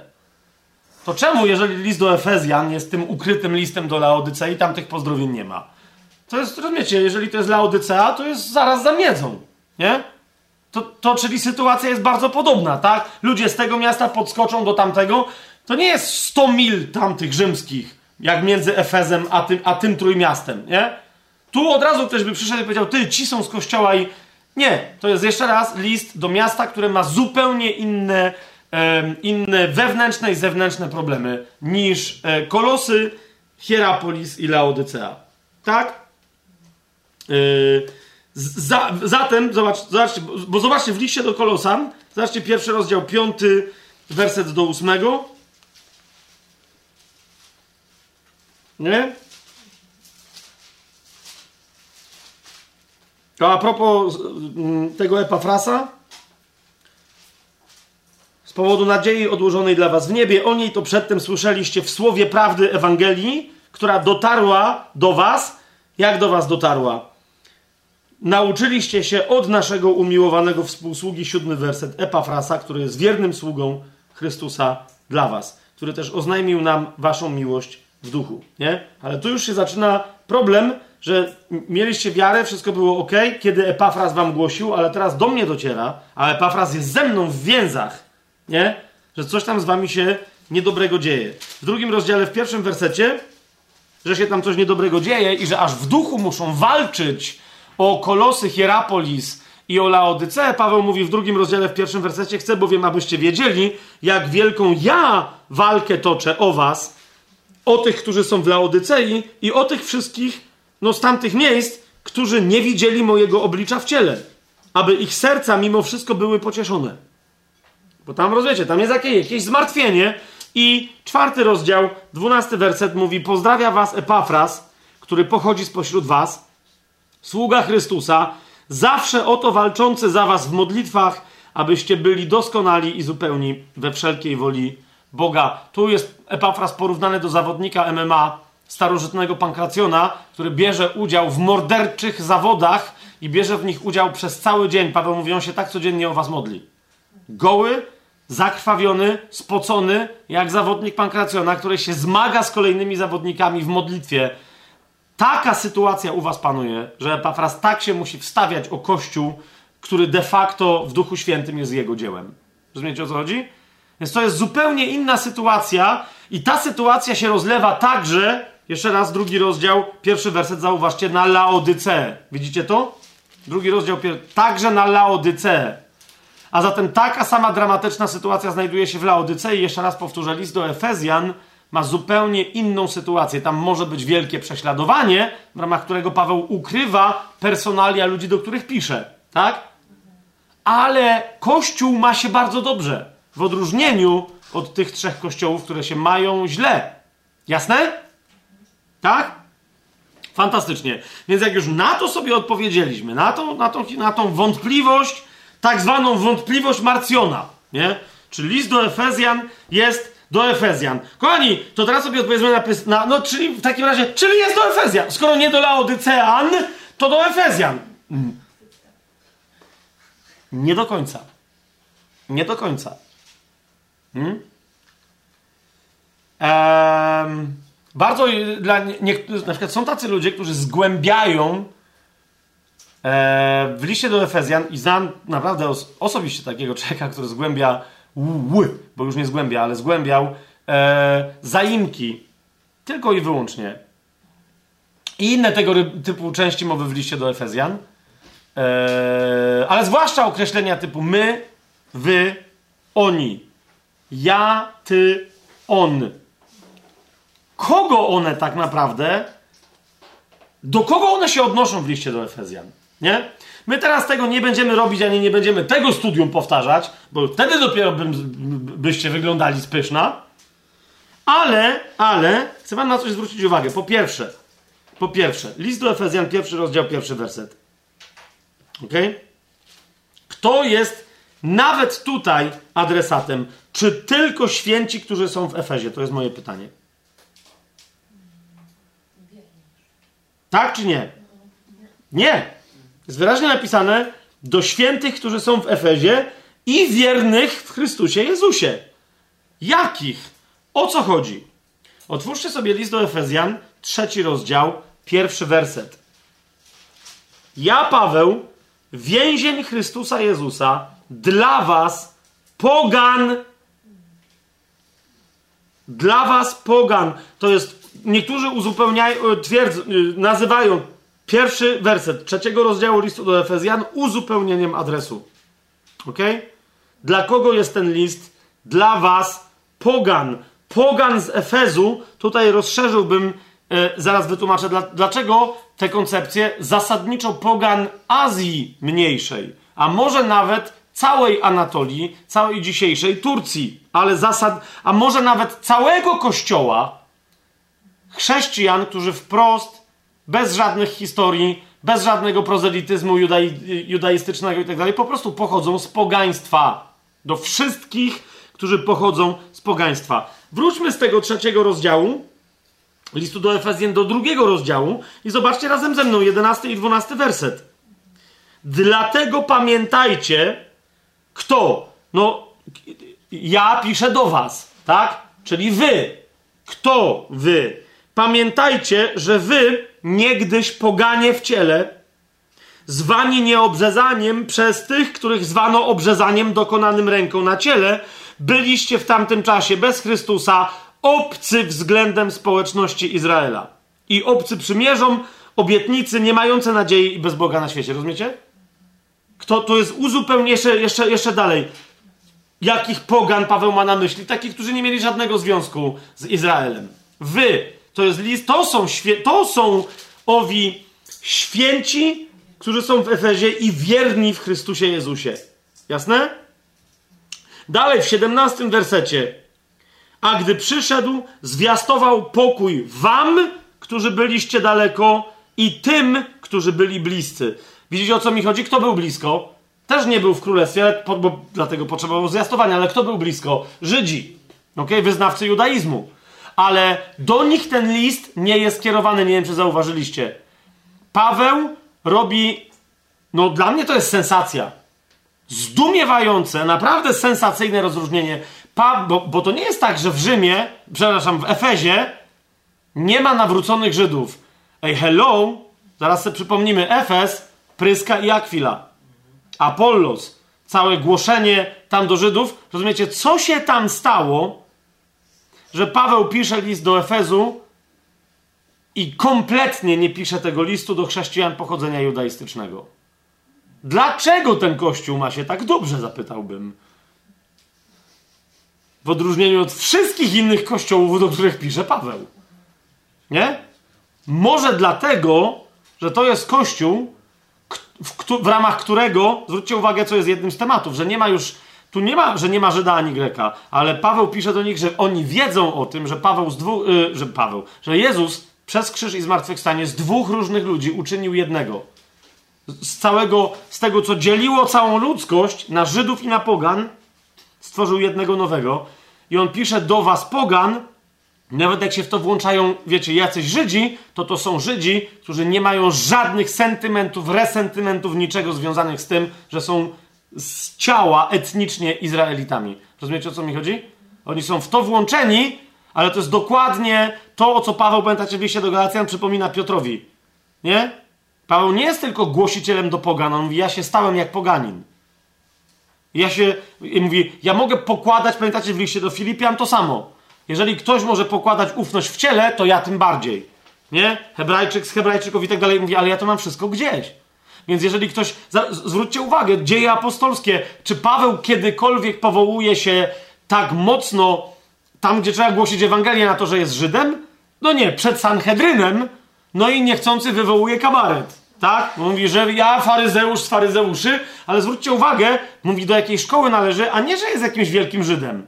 Nie? Nie powołuje się na pochodzenie, na narodowość, ale cały czas, jeżeli chodzi o obywatelstwo, w pewnym sensie o, o, o, narodowość, rzekłbym, co w dziejach apostolskich cały czas Paweł mówi? Ja jestem Rzymianinem.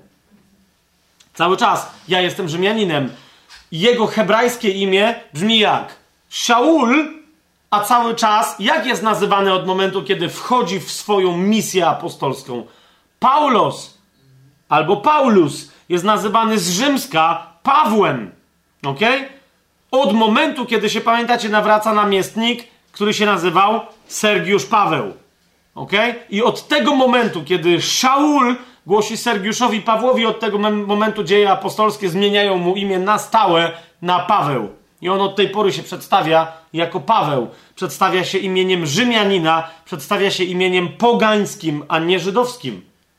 Zwróćcie na to uwagę, proszę was, ponieważ nie, nie, niektórzy zapominając o tym, to jest, to, jest, to jest jego decyzja, jego świadoma decyzja. Ja osobiście kiedyś słyszałem na litość boską, ja po prostu tylko się, jeszcze jako ksiądz katolicki, słyszałem kazanie o tym, jak to Pan, jak to Pan Bóg zmieniał imię Abramowi na Abraham, yy, no i, i tak dalej, i tak dalej. I między innymi zmienił imię Szawłowi na Paweł. Ja myślę, że a kiedy? Rozumiecie, bo tam było całe sugestia była, nawet nie, nie wiem, czy, czy, czasem wprost nie informacja, że no pod Damaszkiem. Przecież to, no gdzie je i gdzie i kiedy, jeżeli nie tam i wtedy, prawda? No ale tymczasem, no nie. No Szaweł dalej był Szawłem. A na nie, jak się boli, to mówi, no co to za chłop, przecież my go znamy. I tam wcale, wiecie o co chodzi? On jeszcze pseudonimu Paweł nie posiada.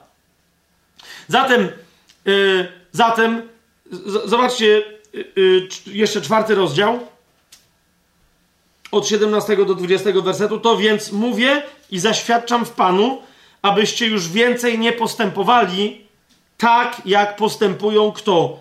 Inni poganie. Inni od kogo? No od was.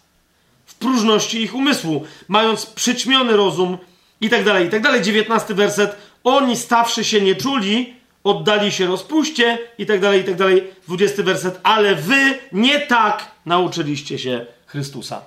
Jasne?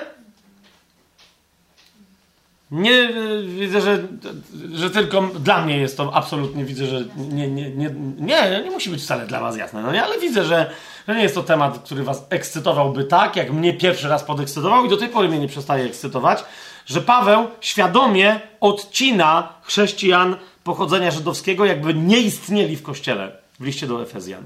Nie? Jeszcze raz, y, zostawiam to tylko tyle, to ewidentnie ja to mam napisane, tak sobie to napisałem, list do Efezjan jest napisany do Efezjan jako mieszkańców Efezu i wszystkich chrześcijan pogańskiego pochodzenia, zwłaszcza Azji Mniejszej.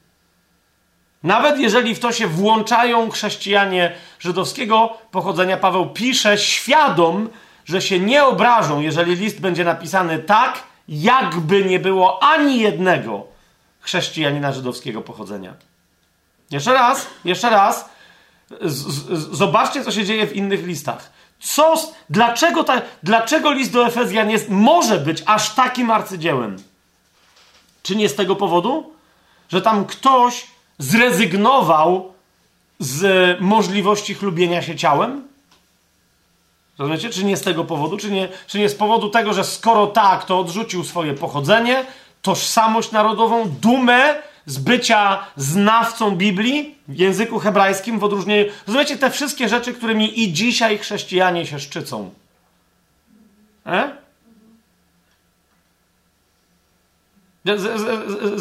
Zauważcie, że do nikogo innego Paweł o, o babskich y, historyjkach i o żydowskich y, bajendach nie pisze, tylko do Efezu przez Tymoteusza. Tam może. Wszędzie musi być delikatny i się odnosić, że tutaj do, tu Żyd, tu Grek, my tutaj tak, a ja tu przecież bardzo chciałbym, żeby cały naród Izraela, ale coś tam. A... Zauważcie, w liście do Efezjan Paweł pisze do kościoła, jakby nie istniał nawrócony Żyd. Jakby wszyscy nawróceni byli poganami. Włącznie z Żydami. Nie? Więc e, jeszcze raz, tak jak niektórych e, tu z nas wstrząsnęło e, charakter, jak zobaczyliście, jak wyglądają inne listy, jak, jak w nich Paweł pozdrawia na początku i jak na końcu, wszystkich innego zobaczyliście, że nie robiąc tego w liście do Galacjan, jaki klimat tam się pojawia, to teraz zwróćcie uwagę, jaki klimat się pojawia, przez to, że Paweł nie musi się w ogóle odnosić do tego rozróżnienia, w sensie, że nie musi szanować tego rozróżnienia na chrześcijan pochodzenia żydowskiego i nie. Że Paweł po prostu mówi: Ja piszę ten list do Pogan, bo nie ma nikogo innego w Efezie, tylko chrześcijanie pogańskiego pochodzenia. Nie? Nie będę tego teraz rozbudowywać, bo, bo nie, może to byłaby kwestia tego studium 120 czy 200 godzinnego, żebyśmy to w pełni docenili, albo nie. Ale jeżeli, e, jeżeli będziecie e, nad tym tematem, w ogóle nad listem do Efezjan sobie troszkę więcej siedzieć, to porównajcie go sobie pod tym względem do innych. Nie? I naprawdę dostrzeżcie takie fragmenty, jak, jakie to jest dziwne, że Paweł wprost za adresatów bierze tylko i wyłącznie pogan. I on to tak wprost tutaj w paru miejscach pisze, a w wielu miejscach nie wprost o tym mówi. Nie? W wielu miejscach nie wprost o tym mówi. Drugi rozdział, zwłaszcza pod tym względem, jeżeli chodzi o studium my-wy, nie? To, jest, to jest właśnie tak, niektórzy nazywają to studium my-wy, nie? Kto to jest my, a kto to jest wy. I kiedy wy stało się my, no nie? A którzy my przestali być i zaczęli być wy, nie? To, to jak sobie tylko takie pytania zadacie i przeczytacie list do Efezjan, to, no to, to mówię wam, to, to jest jedna z części misterium listu do Efezjan. I teraz, skoro już wiemy, kochani, że więc Efes oznacza pogan, i teraz jeszcze raz zauważcie, co ja powiedziałem, co tu sobie napisałem, że to są yy, mieszkańcy Efezu pochodzenia pogańskiego, ale nie tylko Efezu, lecz wręcz całej Azji. Całej Azji e, mniejszej, a może nawet całej Anatolii. Dlaczego? Muszę, y, żeby to wyjaśnić, pokazać Wam, jakie znaczenie ma F dla świata chrześcijańskiego, ale nawet zanim to zrobimy, muszę Wam pokazać, jakie znaczenie ma Efes, zanim się w ogóle pojawiło chrześcijaństwo dla świata starożytnego. I jeszcze raz, mógłbym opowiadać w nieskończoność o pewnych rzeczach, gdybym się znał na historii Efezu, tak jakbym się chciał znać, Albo nie wiem, no nie znam się, ale nawet nie bardzo się znając, nadal mógłbym długo opowiadać o Efezie, bo to jest przeci, przeciekawa ze względu na list do Efezjan historia. Powiem wam tylko tyle, jeżeli już znacie, no to jest taka ekipa, że wielokrotnie czytaliście list do Efezjan, nie? Ale jakby ktoś pierwszy raz czytał, może teraz, jakby, jakby pierwszy raz czytając, to, to tylko takie rzeczy wam powiem. Po pierwsze, Efes niegdyś był stolicą takiego ludu, który e, niektórzy mylą z, e, z Hivita, z jakiegoś powodu, nie wiem dlaczego, ludu chetyckiego. Potem inni twierdzili, że oni nie istnieją. Biblia o nich wspomina. Potem się okazało, że jednak istnieli i okazuje się, że ich stolicą była miejscowość, która się nazywała Apasas. Co później wiemy o tym, jak się później pojawiła kultura grecka, wczesnogrecka, prymitywnie grecka i ona się rozwijała, wiedząc jak się rozwijały dźwięki pewne, to w zasadzie ta, ta nazwa przetrwała do czasów Pawła, ponieważ wyewolu, wyewoluowała, trochę tak jak nazwa Babel wyewoluowa, wyewoluowała w języku polskim w nazwę, w nazwę Wawel. Okay? Po prostu się inaczej te, te dźwięki wypowiada. Inaczej się kiedy? Babel, Wawel. Wawel niegdyś w starocerkiewno-słowiańskim Babel. To samo jest z miejscowością, która się nazywała Apasas. Ona się z czasem zaczęła nazywać Efesos.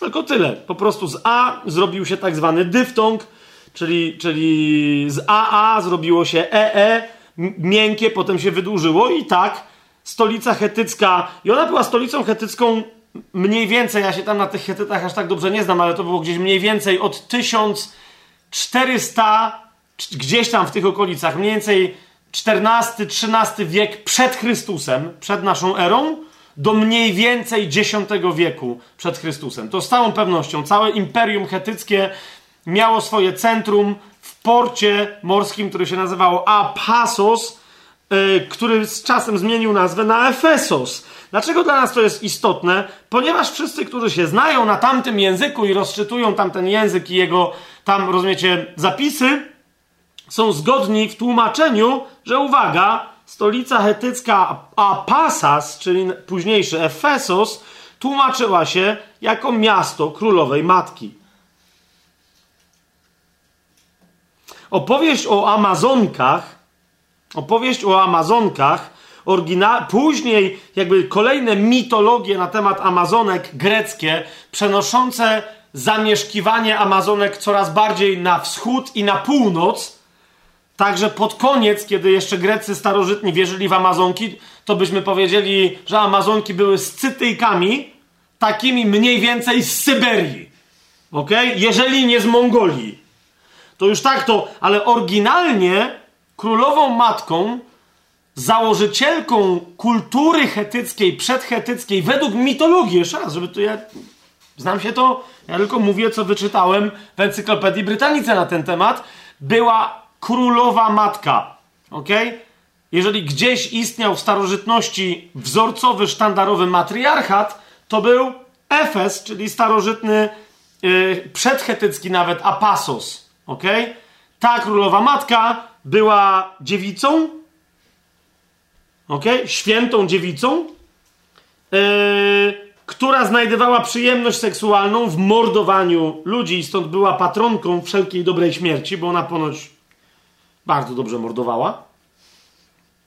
No nie wiem, co tam się działo. I w związku z tym te wszystkie jej dziewczyny, jakby to były bardzo dobre wojowniczki, nie? Później trochę ta historia, ten temat e, czczenia królowej matki przeniósł się na północ od Apasos, czyli od Efezu, do Troady, miasta znanego nam, również znanego z Nowego e, Przymierza, z pism Nowego Testamentu, do tego stopnia, że uważajcie, Rzymianie uważali, że ich praprzodkowie, tak, włącznie tam z Romulusem, tymi wszystkimi, pamiętacie, historiami, ludźmi karmionymi przez wilki, o tym za chwilę do tego wrócimy, nie? że oni oryginalnie dlatego mieli taką sympatię praetruskowie, założyciele Rzymu, ponieważ oni tam przywędrowali z kraju Amazonek i jak Rzym w pewnym momencie był w biedzie, sprowadzili posąg królowej matki Kibele z Troady właśnie. Cesarzowa osobiście przybyła, żeby ciągnąć go, ponoć nastąpił cud boskiej miłości tam i że ona osobiście statek, który przywiózł tę królową, sama zaciągnęła do doku. Oczywiście bo to był znak, że Matka Boska jej tam pobłogosławiła, tak? My to cały czas mówimy o czasach przed jakichkolwiek chrześcijańskich, nie? I Rzymianie tam bardzo to czcili. Te wilki tu są istotne, o czym za chwilę sobie powiemy. Ale w każdym razie najstarsze przekazy łączące cokolwiek z Efezem mówią, to są przekazy chetyckie, że to było miasto Apasas, czyli późniejsze Efezos, że to był Efes, co się tłumaczy wprost jako miasto królowej matki. Ok? Centrum matriarchatu. Dalej, następna postać, która funkcjonuje normalnie w kulturze. Mówi się na przykład o kimś, kto jest bardzo bogaty. Yy, nie wiem, czy tu są sami młodzi ludzie. Yy, yy, jak nazywam różnych ludzi w okolicach 60. Dobra, żartuję. E, to są młodzi ludzie, ale nie wiem, czy tak się jeszcze dalej gada. Powiedzcie mi, że ktoś jest krezusem. Że jest bardzo bogaty, że w czymś no po prostu, że jest zamożny bardzo, bardzo, niewyobrażalnie bardzo, nie? Otóż, kochani, zawodnikiem, który w pewnym momencie podbił Efes, przychodząc właśnie z północy, z Troady, ale mniejsza o to, bo to jakby tam osiadł, był niejaki Krezus, naprawdę istniejący król. Staro, sta, przynależny do kultury staro, staro greckiej. Tenże Krezus yy, rozwinął tam całe zagłębie, że się tak wyrażę, pod swoimi rządami. Długo one tam nie trwały, bo, tu się zdziwicie, pojawił się yy, nie kto inny, i zaciupał tam na śmierć, nie to niekoniecznie osobiście, tak? Ale pojawił się nie kto inny, jak Cyrus, ten Cyrus, do którego pisał Izajasz, nawet nie wiedząc, że pisał 200 lat przed jego pojawieniem się w księdze Izajasza. Ten Cyrus się pojawił i tego Krezusa tam wykończył. Pamiętacie później walki, wojny peloponeskie, bo w ogóle Persowie próbowali się dalej wedrzeć do Grecji, tak? 300 Spartan walczących, tam coś broniących, no i tak dalej, i tak dalej. Ale chodzi o to, że to było z tamtej strony, a tu Grecji, ale ta kultura grecka z tej strony, czyli po stronie dzisiejszej Turcji. No okej, okay. więc, ale zanim się pojawił Cyrus i Persowie i zanim wykończyli Krezusa, to, to rozumiecie, no opylało się im w ogóle przyjeżdżać. Po co oni by się mieli zapędzać? Jakoś nigdy nie uznali, że warto się naparzać ze scytami. Nie? Tam jakoś nikt, nigdy nawet Aleksander Macedoński wolał tam ustawić bramę spiżowe, że a z Magogiem wygramy i co tam potem będą? Puste pola. Z tym Magogiem do Moskwy dojdziemy, przyjdzie zima, spalą ją nami. No i rozumiecie o co chodzi, nie? Napoleon z Hitlerem się nie nauczyli, że się z Magogiem nie walczy, bo tam nic nie zostaje, tylko spalona ziemia, którą potem przykrywa śnieg i skuwa mróz. I to jest tyle. Scytowie, czyli późniejszy Magog, zawsze tak wygrywają. Tak? Natomiast w Turcji późniejszej, czyli wtedy Anatolia, a wtedy jeszcze się ta kraina inaczej nazywała, w ramach, w, w czasach biblijnych, e, e, zwłaszcza w tym kącie dzisiejszej Turcji, który się nazywa Azją, której, którego to kąta stolicą Azji Mniejszej był Efes, tam w pewnym zaczął rządzić Krezus, okay? I, I legendy na temat jego bogactwa i koncepcji i tak dalej, i tak dalej nie są przesadzone, kochani. Więc on tam jakby stworzył z Efezu i z Azji Mniejszej realny ośrodek, pff, bo, bo, z którym ani Ateny tak naprawdę, ani Korynt, ani nawet późniejszy Rzym za bardzo nie mogły, no okej, okay, to technologicznie był bardziej rozwinięty, ale nie mogły za bardzo konkurować. To musicie zrozumieć. Nie? Mi to długo zajęło, zanim zajarzyłem, że na serio to było trochę centrum wszechświata. Azja mniejsza, nie? Ze stolicą w Efezie. Ja sobie specjalnie, żeby. Yy, o! Mam ze sobą taką książkę, która nie ma niczego wspólnego z Biblią, prawie że. Z wyjątkiem pewnych rzeczy, co się nazywa Wademekum historyka starożytnej Grecji i Rzymu. Jakbym ja był jakimś historykiem starożytnej Grecji i Rzymu. Ale czasem czytam takie książki, z nich się dowiaduję sensacyjnych historii i w tym między innymi na stronie 240 tejże książki, ta książka, jakby ktoś jej szukał, została wydawno, wydana przez Państwowe Wydawnictwo Naukowe w Warszawie w 1985 roku. Ja ją sobie kupiłem w 1989, autentycznie, i ją od tej pory mam, moi rodzice mi ją przechowali. Ale nieważne, po co ja ją sobie wtedy kupiłem, ważna jest strona 240. Na stronie 240 tej książki, której, którą wam tutaj podałem, bardzo profesjonalna jest na przykład, wiecie, cały zestaw wszelkiego rodzaju monet ze starożytności. Rozumiecie, tu elegancko. Ale co tu czytamy? Azja Mniejsza, której stolicą w, dokładnie w tym, rozumiecie, w tym okresie, który wam przedstawiam, to jest Krezus, czyli to jest VI wiek przed naszą erą. Tak? W momencie, kiedy z Azji Mniejszej stworzyło się autentyczne zagłębie ekonomiczne, handlowe i kulturowe. Tak? No i obczajcie w Efezie, w Efezie zbudowano największy i do tej pory w tamtych okolicach tam się odbywają, do dzisiaj się odbywają festiwale muzyczne, ale wtedy, wiecie co to jest amfiteatr?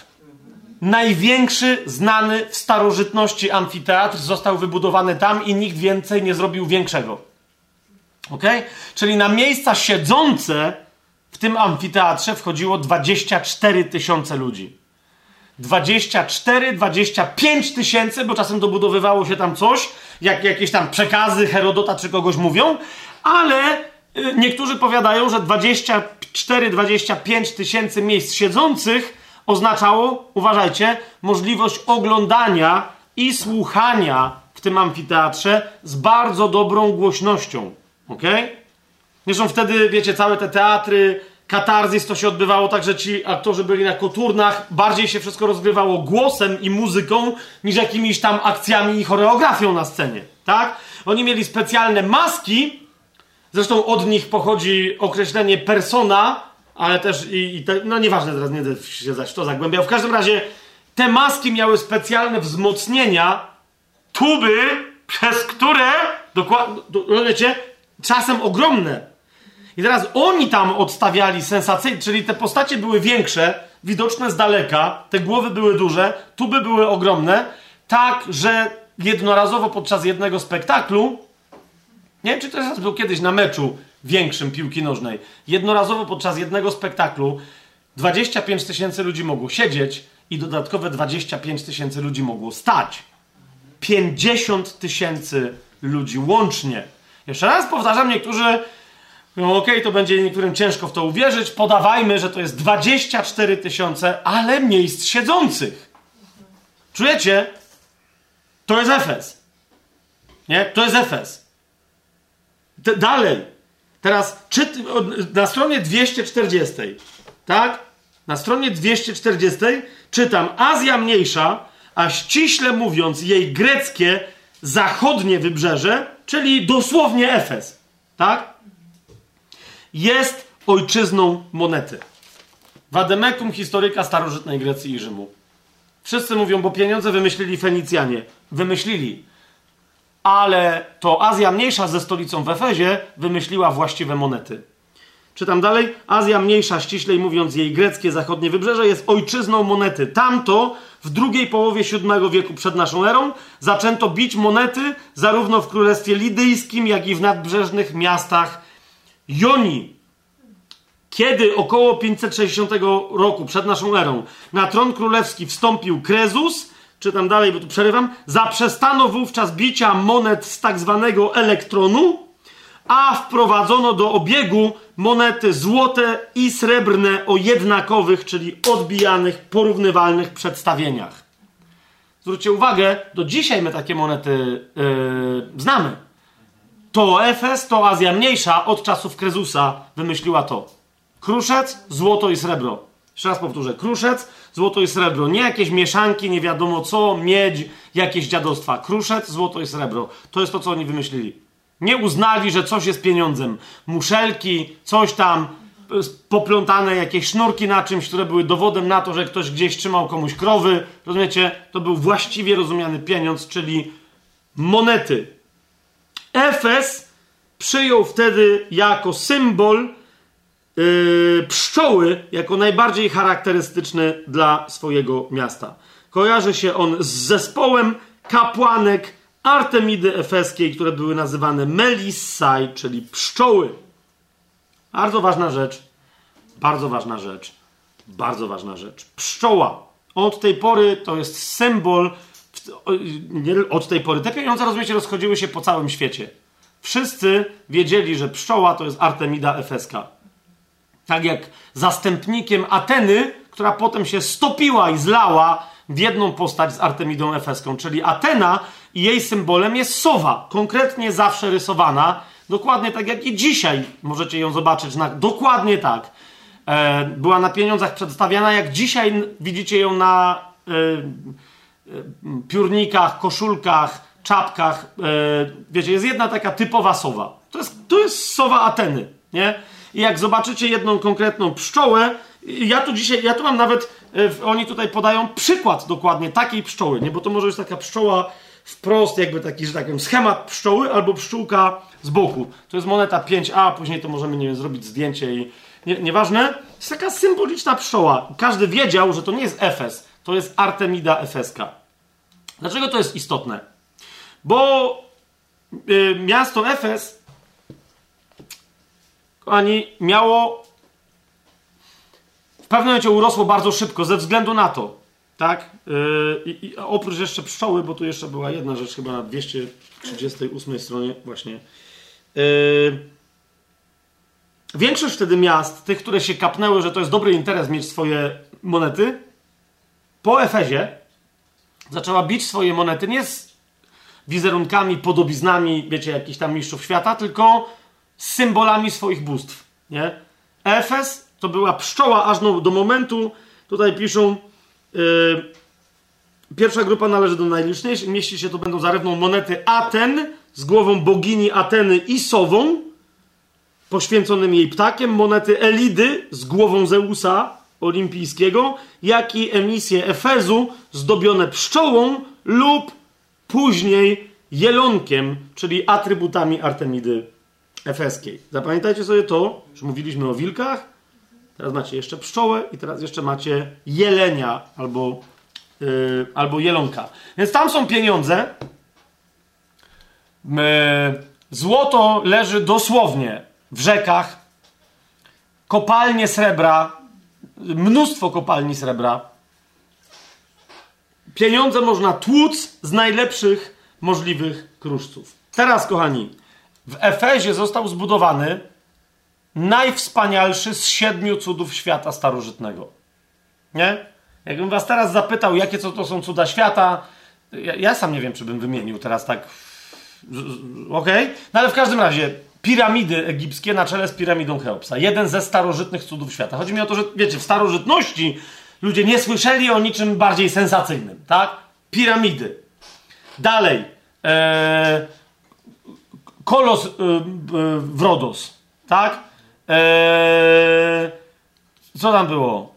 Latarnia z Farsos, tak? Wiszące ogrody Babilonu. I teraz chodzi o to, że tam nie, teraz ja nie pamiętam który, to będzie łatwo znaleźć, nie? Gdybyście chcieli się bardzo podekscytować świątynią Artemidy Efeskiej. Nie pamiętam, który to historyk napisał, widziałem wszystkie cuda świata. Nie, bo był taki okres, kiedy one wszystkie istniały. Byłem w Egipcie, widziałem, byłem w Babilonie i widziałem ich wiszące ogrody i tak dalej, i tak dalej. Mówię, nie pamiętam, który to był, ale, ale napisał, ale nic, nic włącznie z tymi ogrodami, bo on je wymienił, i piramidami w Egipcie, mówi, nic nie może się równać ze świątynią Artemidy w Efezie. Nic nie może się równać. Jest największa, z wszystkiego co widziałem, największa budowla. Ma najwyższe kolumny. Tam, kochani, tam, tam, były odloty w pewnym momencie, bo tam, wiecie, ta, ta świątynia była burzona, e, albo się sama burzyła i odbudowywana kilkanaście razy. Dziewięć razy to przynajmniej. I za każdym razem coraz bardziej. Nie? W pewnym momencie e, została zbudowana świątynia, ta, która, mia, która tam, wiecie, jakby jej ostateczny, najgenialniejszy wykwit, którą musiał w Efezie widzieć Paweł. I, I wiecie, jak on pisze do Efezjan, to pisze do Efezjan, którzy mają w swoim mieście tę świątynię. Rozumiecie, że tam technologia była taka, że to była największa świątynia znana w świecie starożytnym. Być może, że w ogóle wtedy na świecie ze złożeniem, bo wiecie, piramidy to zostały, no nie? No ale tam jeden kamień leżał na drugim, a tutaj były sym, y, kom, kompli, skomplikowane układy kolumn i tak dalej, i tak dalej. I teraz uważajcie, cała ta świątynia była zbudowana na w zasadzie ruchomym fundamencie z węgla, kruszców jakichś tam potłuczonych i skór, co miało służyć zabezpieczeniu tej świątyni przed tym, żeby się wreszcie nie rozwaliła przy kolejnym trzęsieniu ziemi, bo tam się w kółko ziemia trzęsła. Nie? Więc rozumiecie, część tego cudu była niewidzialna, ale wszyscy wiedzieli, jaki jest fundament. Teraz obczajcie, co jest napisane w liście do Efezjan, bo ja myślę, że po co ja tu pluję się i tłumaczę te wszystkie rzeczy, po co nam historia Efezu. Jak Paweł pisze w liście do Efezjan, nie? Jaki jest fundament prawdziwej świątyni Bożej, tak? jak, co z czego się składa, jakie są y, y, poszczególne warstwy czego Chrystus jako fundament. Nie jakieś skóry z jakimś tam pokruszonym węglem, z czymś tam jeszcze, tak?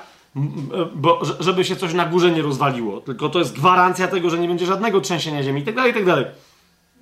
W każdym razie, świątynia Artemidy z cudów świata, siedmiu cudów świata starożytnego, E, jednogłośnie przez tych, którzy widzieli te wszystkie cuda świata, ogłaszana jako najwspanialszy z cudów świata. Pamiętajcie, niektórzy chrześcijanie, pamiętając o tym, że sam Pan Jezus mówi, że, że, że szatan ma swój, swój, swój tron, a więc swoją stolicę w jednym z miast Azji Mniejszej, czyli gdzie? W Pergamonie. To jest całkiem niedaleko miasta, w tej samej krainie co Efes.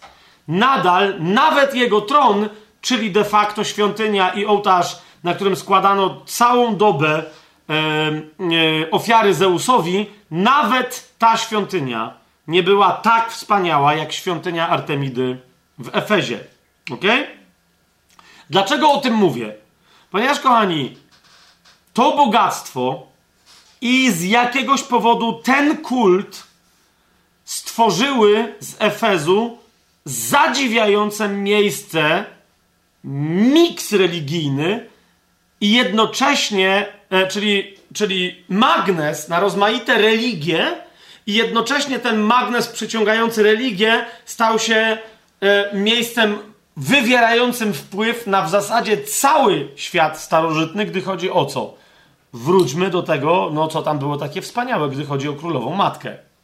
Otóż, kochani, w Efezie oryginalnie była czczona Artemis, czyli Artemida, z, y, później, która, której kult się zjednoczył, a więc ona była w zasadzie tożsama z Dianą. Do tego stopnia, że w oryginalnym tekście biblijnym, jak pamiętacie, w Efezie zaczynają się rozruchy. Te rozruchy się zaczynają i w tekście oryginalnym wszyscy krzyczą Wielka Artemida Efeska. A na przykład w UBG tłumaczenie mamy Diana Efeska. Nie wiem czemu tak, no bo to okej, okay, no tak sobie przetłumaczyli, ale w tekście oryginalnym jest Artemida. To, że Artemida jest utożsamiana z Dianą, to się wszystko zgadza. Kochani, Artemida jest utożsamiona z Dianą.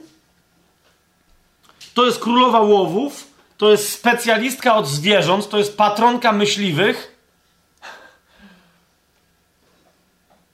która następnie, nie, nawet wam teraz nie będę mówił jak, nie? Się całkiem niedawno tego dowiedziałem.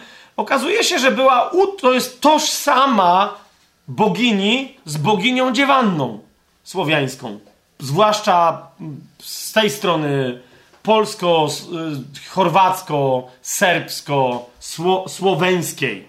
ok? To była bogini Dziewanna. Bogini Dziewanna się później, rozumiecie, była czymś w rodzaju Hubertusa, ponieważ jej symbolem, tak samo jak bogini Artemis był, po prostu był jeleń, bez krzyża między rogami, ale wie to kto, sprawdził to kto, zaraz wam wyjaśnię dlaczego. Dwa, jej symbolem, zauważcie, zauważcie, że Artemis to jest nie kto inny, jak sama we własnej osobie, Semiramis. Semiramida, czyli mamusia kochana Nimroda, największego myśliwego. Twórcy wieży babilońskiej i tak dalej, i tak dalej. Teraz chodzi mi o to, że to, kto tam się starożytnością zajmuje, to to wszystko nam nie ma co... E, ta sama, co opłakiwała ta muza. Już wiecie, kto to jest? Nie? Ta sama, której przedstawienia wyglądały dokładnie jak, jak Matki Boskiej, jak, tak zwana pieta. Nie? To, to jest dokładnie to samo. Teraz ta dziewanna, bo to jest bardzo istotne, ona też była specjalistką od wilków, bo jak szła na polowanie, to miała oswojone wilki, tak? No później inni mieli oswojone psy, ale co jest bardzo istotne, ta dziewanna wszędzie w Słowiańszczyźnie, jej święto było obchodzone dokładnie wtedy, kiedy później rzymska religia zaczęła obchodzić Matki Boskiej Gromnicznej. Zresztą wiadomo było, że to jest ulubiona, ponieważ ona została później jeszcze zlepiona z Ateną. Wiecie, to jest to samo, to jest ulubienica Zeusa. Dziewanna ulubienica Peruna, gromowładnego, tak? Więc jeżeli w, w, w, wtedy, kiedy ona y, pil, jakby złożysz jej ofiarę, żeby nie przyszły wilki i nie zagryzły ci twoich zwierzątek w zimie, bo są głodne, tak?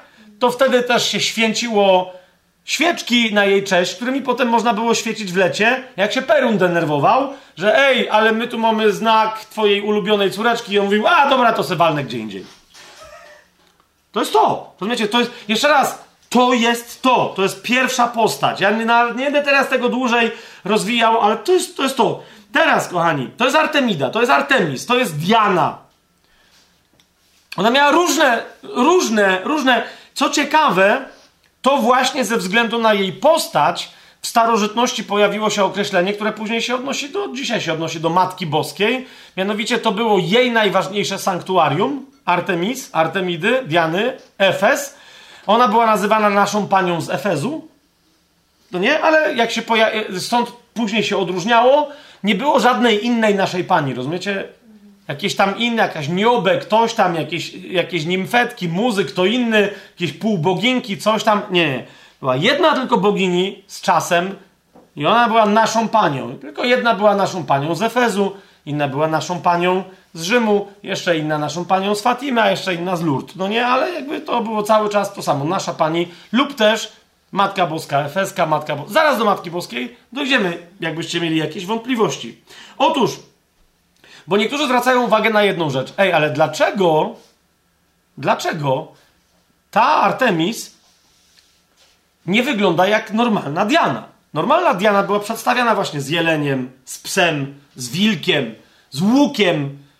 Nie? Trochę jak Atena w jakimś. Trochę jak Amazonka. By the way, widzicie o co chodzi, nie? Że ona strzela, czasem nie miała jednej piersi, żeby jej było lepiej strzelać, stąd ta. Okej, okay. ale w Efezie ta. To bab. Co w boś? Było dziwne. Jak sobie wpiszecie w internecie gdziekolwiek Artemida Efeska, ok? Tam było takie wierzenie, że to jest figura, która spadła z nieba. Nie? Meteoryt tam rzeczywiście jakiś spadł, ona spadła z nieba od właśnie jej tatusia. Ona się, że ona taki prezent dała, swój wizerunek od tatusia i od Jupitera w, w tamtym wypadku zesłała, bo jej tata pozwolił, że ma mieć ulubione swoje miejsce na ziemi. Ale ona tam wygląda, to jest jedna postać, taka, taka jedna figurka, nie? To jest jedna figurka. Ma, y, często jest nazywana, ale zwracam wam na to uwagę, niekoniecznie w starożytności, jest nazywana Artemidą Efeską wielopierśną. Nie wiem, jak to przetłumaczyć, nie? Y, no chyba tak, bo miała tam jakieś takie jakby piersi, ale to normalnie taki cały, cały nie wiem, cały taki rynsztunek z tych piersi, no nie? Do, dopiero jakieś 300 lat temu, 200 lat temu, jak archeologia się rozwinęła, niektórzy zwrócili uwagę, ale czy to są aby rzeczywiście przedstawienia piersi kobiecych, nie? No to jest taka koncepcja raczej, nie, bo niektórzy, uważajcie, niektórzy stwierdzili, czy nie są to czasem jaja. To jest bardzo istotne. Teraz mówię poważnie. Dlaczego? Ponieważ ona była przedstawiana mianem Artemida Efeska, mianem królowej pszczół, królowej roju. Ok? Więc to są jaja. I teraz nawet jeżeli to nie są jaja jakby przedstawiające jakby jaja larwy, wiecie o co mi chodzi, pszczele, to uważajcie, znowu, kto inny, jeżeli nie Semiramis, jest odpowiedzialna w jednym z mitów i później Izyda, bo ta pani, ta figurka przyszła z Aleksandrii. To jest oryginalnie Izyda, Izis, Isis, Asztarte, Ashera. Ok? Zawsze robiona z drewna. Zawsze robiona z mocnego drewna, na przykład dębowego. Zawsze w, jednym, w jednej części, nie że, tu, że są trzy figurki, tak jak normalna Diana. To jest to. I teraz, kto to jest, jeżeli nie ta pani, która składała jajka, z których wychodziły zające? Hmm? Easter, Ishta w języku angielskim naprawdę bardzo daleko trzeba szukać połączenia z Isztar i te, wiecie, zwłaszcza na zachodzie, w świecie anglosaskim obchodzone e, e, i rozumiecie, to nie ma, to, to ma wszystko, kiedy, kiedy Tamus wraca, jak już jest opłakany, jak wraca po półtorej dnia, tak, i się odradza, jak zając z jajka, nie?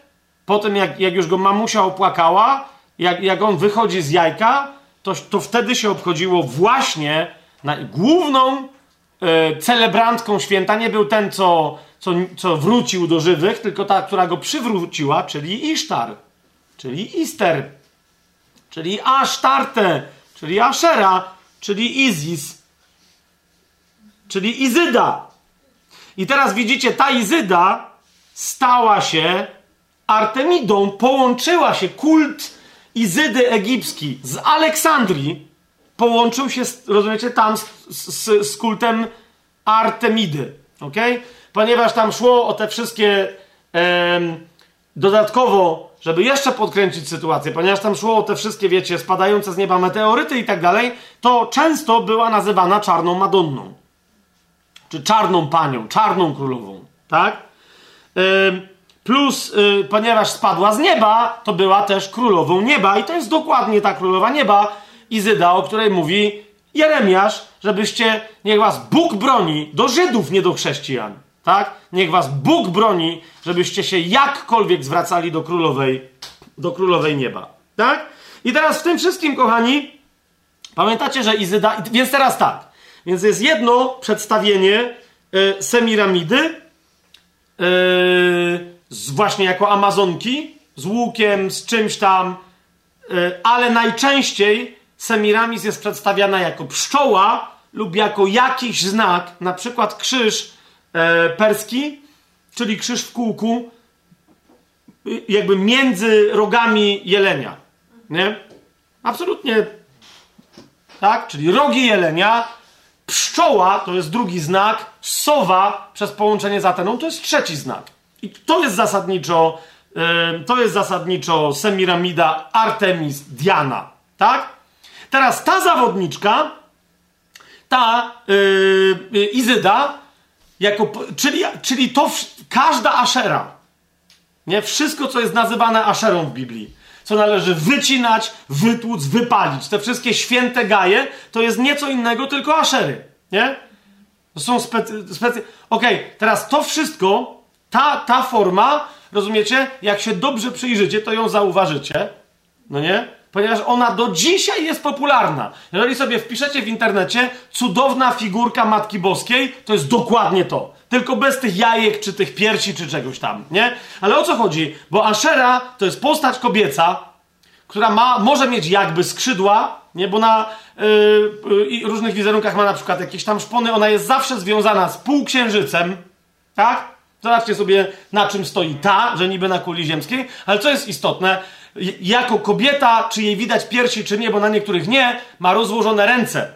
I one oznaczają udzielanie błogosławieństw, czego symbolem są te półkule, które są jakby jajami, piersiami, nieważne co, tak? Chodzi o to, że to jest wielość błogosławieństwa. Więc jak sobie wpiszecie, to jest dokładnie, porównajcie sobie figurkę Artemidy Efeskiej, ona ma czasem ręce zwrócone bardziej do góry i figurkę Matki Boskiej, cudowną tak zwaną, w dół. To jest to, jest to samo. Okay? To jest dokładnie to samo, włącznie z kolorami, czyli z kolorem niebieskim, z kolorem błękitnym, już nawet w to nie będę, yy, w to nie będę wchodzić. Yy, do tego stopnia, że wiecie, wszystkie czcicielki dzisiejsze w ramach Wicca, tych wszystkich innych koncepcji, czcicielki wielkiej bogini i tak dalej. Jeżeli znajdziecie sobie zdjęcia yy, z, z, pogrzebu pani yy, yy, Kory, o nie wiem, czy ona tak miała na, na, na imię naprawdę, czy w każdym razie Kory Jackowskiej, tak? Ona jakoś inaczej miała na imię. No, jak? Olga. Olga, przepraszam, okej, okay, nie wiedziałem. No to pani Olgi Kory Jackowskiej, to zobaczycie dokładnie tę figurkę, ponieważ ona była, nie wiem, czcicielką czegoś tam. Ta pani Kora Jackowska, tak? Dokładnie tę figurkę. Zresztą te figurki, dokładnie te figurki, cudowne figurki Matki Boskiej są wykorzystywane w dzisiejszych wszystkich kultach tych wiedźmińskich, yy, wiedźmowych, bo chodzi mi nie o Wiedźmina, tylko o te kobiece, feministycznych, tych takich ma Gaja, Matka Ziemia, te wszystkie historie, te figurki są po prostu przemalowywane, nie? Podobnie jak te figurki są przemali, przemalowywane w Ameryce Południowej na Santa Muerte, czyli świętą śmierć, bo to jest cały czas ta sama bogini, rozumiecie? Ta sama postać, ten sam duch.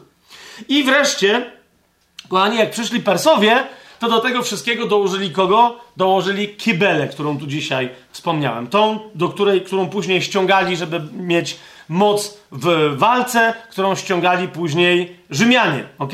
Otóż Kibele to jest tronująca królowa.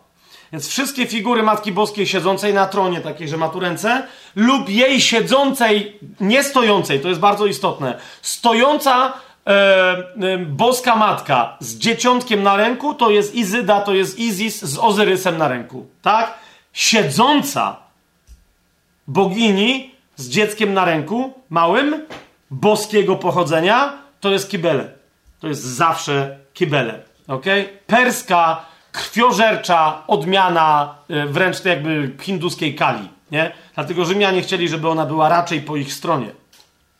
Matka Boska Częstochowska, e, jak teraz urażam, urażam czyjeś uczucia religijne, to co poradzić, niech cię Bóg błogosławi, siostro lub bracie, to, to jest dokładnie to. To jest dokładnie to. Ciemna karnacja, czarna Madonna, e, siedząca, tronująca Matka Boska. Ona jest królową, ona jest matką bogów, ok?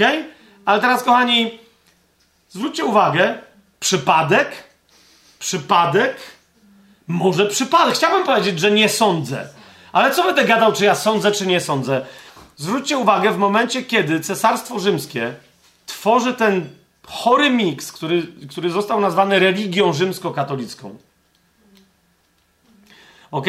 Pod koniec IV wieku jeden z pierwszych dogmatów tej religii, bo rozumiecie, wszystkie inne rzeczy mniej czy bardziej powiedzmy, że wynikały z Biblii, czy wręcz wynikały z Biblii, tak? Ale kiedy to zostało ogłoszone Rzym, przez Rzym, w Cesarstwie Rzymskim, że oto mamy chrześcijan, to, to co my nazwiemy chrześcijaństwem, to jest chrześcijaństwo, czyli religia rzymskokatolicka, tak? Wtedy jeden z pierwszych synodów, jeżeli nie pierwszy po tym ogłoszeniu, teraz nie pamiętam dokładnie, ale pierwszy, który był istotny, zebrał się gdzie? W Rzymie, w Efezie. I co ustanowił?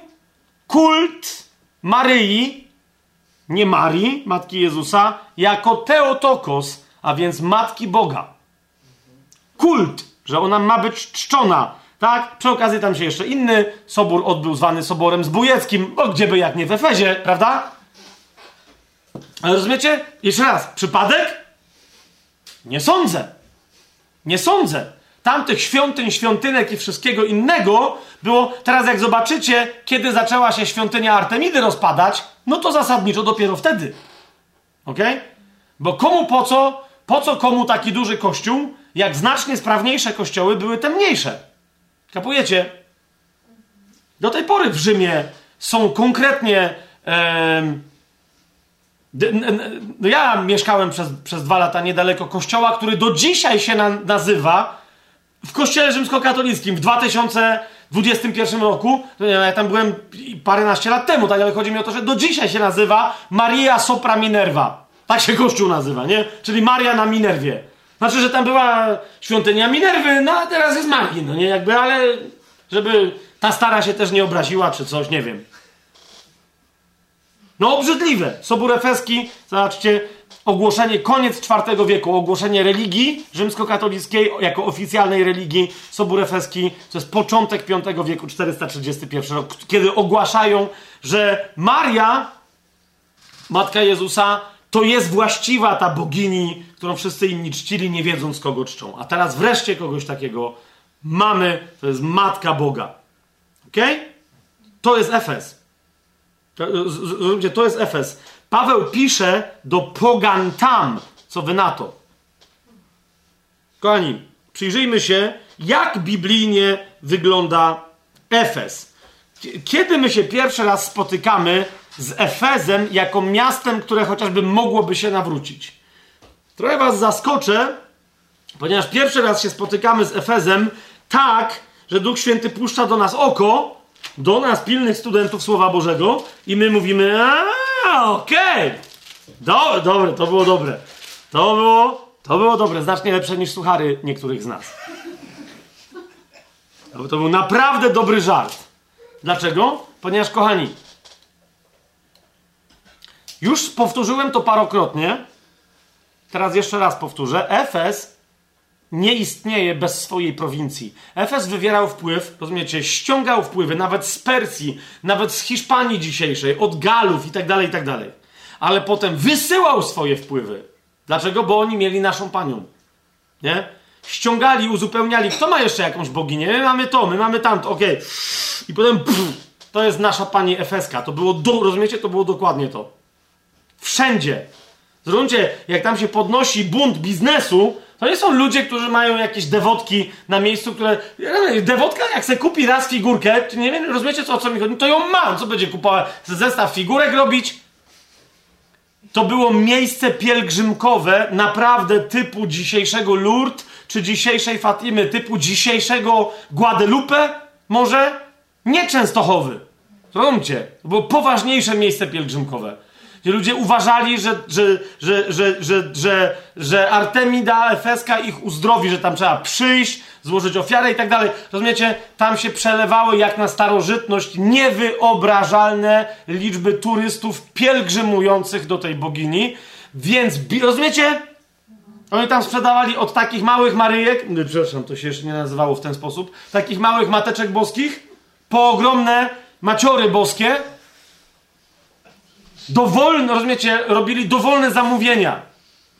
Dowolne zamówienia. Robili specjalne posągi miedziane na okręty, żeby ich, rozumiecie, widzieliście na pewno w jakichś takich filmach o piratach czy w czymś z tamtego czasu, że jest jakaś taka kobieta z nagimi piersiami z, z, z przodu, nie? Jak myślicie, skąd się to wzięło? Nie? Jak była nazywana Izyda w Egipcie, która się stała tamtą Artemidą? Czemu zawsze ta Matka Boska, rozumiecie, tam w starożytności funkcjonowała w portach? Była nazywana Różą Wiatrów. Ok? I do dzisiaj Róża Wiatrów, no dokładnie, albo Gwiazdą Morza. Nie? Stella Maris. I teraz, żeby nie było, że się odnoszę do nazwanych w ten sposób fundacji rzymskokatolickich w Polsce, bo się nie odnoszę, one się odnoszą do bogini, przepraszam, do. Wiadomo do kogo? No do gwiazdy, do, do gwiazdy morza. Do prawdziwej Matki Boskiej, czyli Izydy aleksandryjsko-egipsko, efesko, Bóg wie jakiej. Rozumiecie? Te wszystkie tytuły. I teraz to, jeżeli ktoś chciał podróżować, Posejdon, to wiecie, jak tu jest baba, która, której się Zeus nawet boi, to ona się będzie Posejdona bała, możesz mieć nawet na pieńku z Posejdonem. Rozumiesz? Ale jak ciebie strzeże wielopierszna albo wielojajeczna semiramida efeska, po, no bo ale te, wy myślicie, że jak księża święcą samochody, to że to jest jakaś nowa koncepcja? Tylko do samochodu sobie musisz kupić tam, nie wiem, Krzysztofa Świętego, no jakiś tam, nie, artefakt, albo właśnie Matkę Boską, no różaniec, coś jakiegoś, w zależności od tego, jakie tam bóstwa wyznajesz, tak? I ksiądz ci wtedy poświęci, a wtedy dokładnie, rozumiesz, tam byli, powa to było, tam byli poważni ludzie, nie, nie, nie, jakieś, nie jakaś drobnica. No, poważni ludzie przypływali okrętem, płacili ludwisarzowi takiemu, czyli tam miedzianą, rozumiesz, tam e, Artemidę, płacili ekipie ze świąt... Ci przychodzili, lali krwią zwierząt. No, to rozumiesz, to było poważne. To było powa... I przy ty... Więc jak takie rzeczy się działy, ci ludzie, kapujecie tam pół miasta żyło z tego, że produkowało dla całego świata dewocjonalia Artemidy Efeskiej. Mamy jasność? W tym kontekście spójrzcie, jaką introdukcję, jak nam przedstawia cały ten region, Eee, I jeszcze jedno, od razu zaraz, zanim jeszcze jedną zjawiskową historyjkę wam opowiem na temat, zauważcie, zauważcie, że do końca Biblii sam Pan Jezus uważa, że to miejsce w tamtym czasie jest najważniejszym miejscem, gdy chodzi o starcie światła z ciemnością, o starcie chrześcijaństwa z, e, z religią na całym świecie. Listy, które Pan Jezus osobiście pisze w ostatniej księdze, Hmm? W ostatniej księdze Biblii, w księdze objawienia, siedem listów do kościołów, które symbolizują cały uniwersalny kościół, całe ciało Chrystusa wszechczasów, tak? To są listy do kościołów Azji Mniejszej, a więc najmocniejszych kościołów wraz z kościołem w Efezie. Ok? To jest jeden z tych siedmiu kościołów. Ale pamiętajcie, jeden z tych kościołów to jest innymi Laodycea, więc tych kościołów tam było więcej. Tak?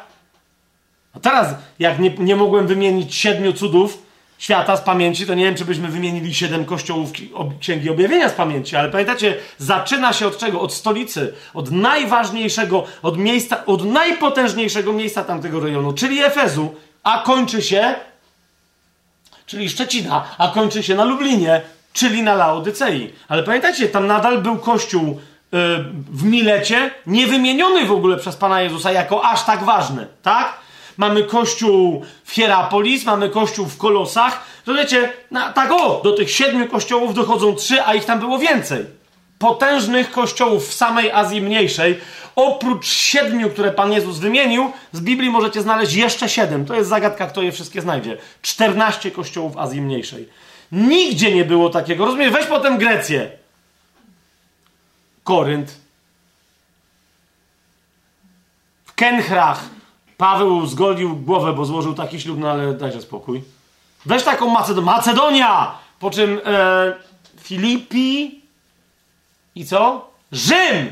Rzym! Do Neapolu Paweł miał płynąć, ale jakby, ale coś tam się stało w Neapolu. Rozumiecie, co ja gadam? Galacja. No dzisiaj tu jechałem, nie powiem z kim, i zapytałem, ej, a pamiętasz w ogóle, które to są miasta Galacjan? No i nie powiem kto, ale to moja żona była. Powiedziałam, musiałabym troszeczkę się zastanowić właśnie, co to tam było. Pamiętacie, jakie to były miasta? No, na przykład Ikonium. Ci nawet ci mapę robili miesiąc temu i teraz no, już mam na końcu ta derbę. Właśnie. Widzicie o co mi chodzi? A patrzcie, mówię Efes, mówię Laodycea, mówię Smyrna, mówię Pergamon ta, i wszyscy wiedzą. To jest Azja. To jest Azja mniejsza. A Efes jest jej stolicą. Jest stolicą czego? Azji Mniejszej albo po prostu Azji. Tak? To jest mała część Anatolii dzisiejszej Turcji. I teraz, kochani, gdzie nam Biblia przedstawia Azję i w jaki sposób? Ten kluczowy dla chrześcijaństwa. Swoją drogą, w tym jest. Ja nie będę się rozgadywał, ale w tym jest lekcja ukryta. Nie? Jak już wiecie, co się dzieje, Pan Jezus na końcu pisze w zasadzie listy do Azji. Nie? Cały świat go nie interesuje. Nie pisze listu do Rzymian, zauważyliście? Naprawdę? W Rzymie nie było do Koryntian, do, do Galacjan, całych, wszystkich. Pisze do obok siebie funkcjonujących iluś kościołów, nie? Jest teraz ciało Chrystusa na całym świecie. I Pan Jezus pisze list do kościołów w Czechach. Jakby nawet nazwę troszeczkę szarpnęło, że stosunkowo blisko, no ale, no nie? Czyż jest poważny kościół, nie wiem, w Legnicy czy w Warszawie? Szesnasty rozdział, druga podróż, druga podróż e, Pawła. Paweł bardzo chce iść tam, gdzie wie, wie w duchu, że he, gdzie jeżeli nie tam? Kto jeżeli nie ja? Kiedy jeżeli nie teraz? A Duch Święty mu mówi, no nie ty, nie teraz, nie tam. No nie, 16 rozdział, 6 werset dziejów apostolskich. Kiedy przeszli Frygię i krainę galacką, Duch Święty zabronił im głosić słowo w Azji. to jest cała wypowiedź na temat Efezu. W ogóle. Rozumiecie? Czyli jak zobaczycie sobie, gdzie jest Ikonium, to Derbe, Listra, a gdzie jest Laodycea, to ja myślę, że oni by, jakby mieli rower, to by się nawet nie skapnęli, jak się nagle w Azji znaleźli, nie? Więc rozumiecie, co Duch Święty musiał... Wszystkie drogi wtedy prowadziły do Efezu. Wiecie, o co mi chodzi? Stamtąd. Przez Laodycea, ale Laodycea to już by była Azja. A Duch Święty powiedział... Mm. Czy miał słuszność Paweł, że tam chciał iść? Miał. Czy miał słuszność, że to on tam miał iść? Absolutnie. Nie, nie mamy w dziejach apostolskich, nawet o Rzymie jest powiedziane, dwa lata siedział, a tam, rozumiecie, mówi, że trzy lata, wow, ale nie teraz, Duch Święty powiedział, teraz nie. On mówi, ale jak to, ja przecież wiem, ja, to, tu się będą działy rzeczy, rozumiecie, on miał prorocze widzenie, nie wiem co, przeczucie, rozumiecie, go szarpała Duch ale widzicie? Genialna lekcja. Tak, ale nie teraz. Jak już wiesz co, możesz nawet wiedzieć jak. Musisz zadać Bogu zawsze pytanie, pełniąc wolę Bożą, kiedy? Teraz czy nie teraz? Teraz, czy nie teraz? Niektórzy mówią, ale ja mam takie ciśnienie, już mam takie brzemię, że zaraz normalnie pęknę. To, to musi znaczyć? Nie, to nic nie musi znaczyć. Teraz, czy nie teraz?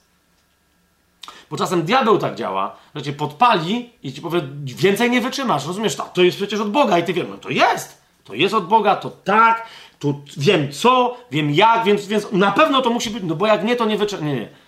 Rozumiesz, bo jak Bóg ci powie teraz, to będziesz mieć pokój, a nie ciśnienie wyglądające, że jak nie teraz, to, to chyba pęknę. To jest diabeł. Diabeł jest w stanie wejść w coś, co my rozeznaliśmy zgodnie z wolą Bożą i jak nas zwieść, powiedzieć, że jest czas teraz na coś, na co nie teraz jest czas. Ok? Kiedy więc Paweł się pojawia w Efezie? No jak sobie pomyślimy, jak sobie przypomnicie, jak sobie pomyślimy, że Paweł się zjawił w Efezie i to było to, to Paweł nawet nie zajarzył, że to jest to. Wtedy, już jak się pojawił w Efezie, jak już mógł być w Azji, to stwierdził, dobra, ale ja muszę lecieć dalej. Także tu zostawiam moich ludzi, ale sorry, no nie, naprawdę mam ważniejsze sprawy. To jest 18 rozdział listu e, dziejów apostolskich, 18 i 19 werset. Paweł mieszkał tam jeszcze, no gdzie mieszkał, to sobie możecie sprawdzić wcześniej, nie będę się rozgadywał o całej historii. Przez wiele dni potem pożegnał się z braćmi i popłynął do Syrii. Ej, hmm? Wie, wiecie gdzie jest Syria? Do, do, dobra, już jest Bliski Wschód. Popłynął do Syrii, a z nim Pryscyla i Akwila. Wiemy, że do tej Syrii płyną łysy, wiemy czemu i wiemy skąd, czyli płyną z Koryntu, ale nie ściśle z korynckiego e, głównego portu, tylko z portu w Kenchrach, czyli w Kenchrach ostrzygł głowę, bo złożył taki ślub. Potem z tej Syrii, nie idąc, czyli widzicie, nie odwiedził domu, albo może odwiedził, ale nie mamy wspominku na ten temat, że był w Cylicji, czyli w Tarsie swoim rodzinnym, tak? Że był w Licji, nic nie wiemy o tym, czy szedł przez Galację z portem, co się stało, ale, ale wylądował w Efezie. Potem przybył do Efezu i tam ich zostawił. Kogo? Pryscyllę i Akwilę. I tyle. Sam zaś wszedł do synagogi, rozprawiał z Żydami.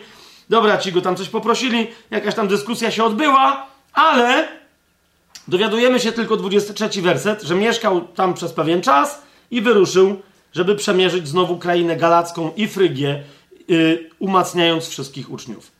Jak, jakby widzicie, tu się nic nie dzieje w Efezie. Galacja jest istotniejsza, widzicie to? Galacja jest istotniejsza. Niemniej my wiemy, że do Efezu wtedy przybył pewien Żyd imieniem Apollos. Ten Apollos, tak? On tam coś głosił, z Aleksandrii przybył swoją drogą. Czyli tą samą drogą, którą do Efezu przybyła Izyda. Ta figurka wielopierśna, tak? Multibrestowa. To, to, to. Więc widzicie, tam połączenie Egipt, e, Efes to było tak o. No nie, oni tam w te, w te, to był naprawdę prężny, ogromny port. No, tak jak lotnisko Heathrow w Londynie teraz. Na, naprawdę, to był śródport, wschód, zachód, północ, południe.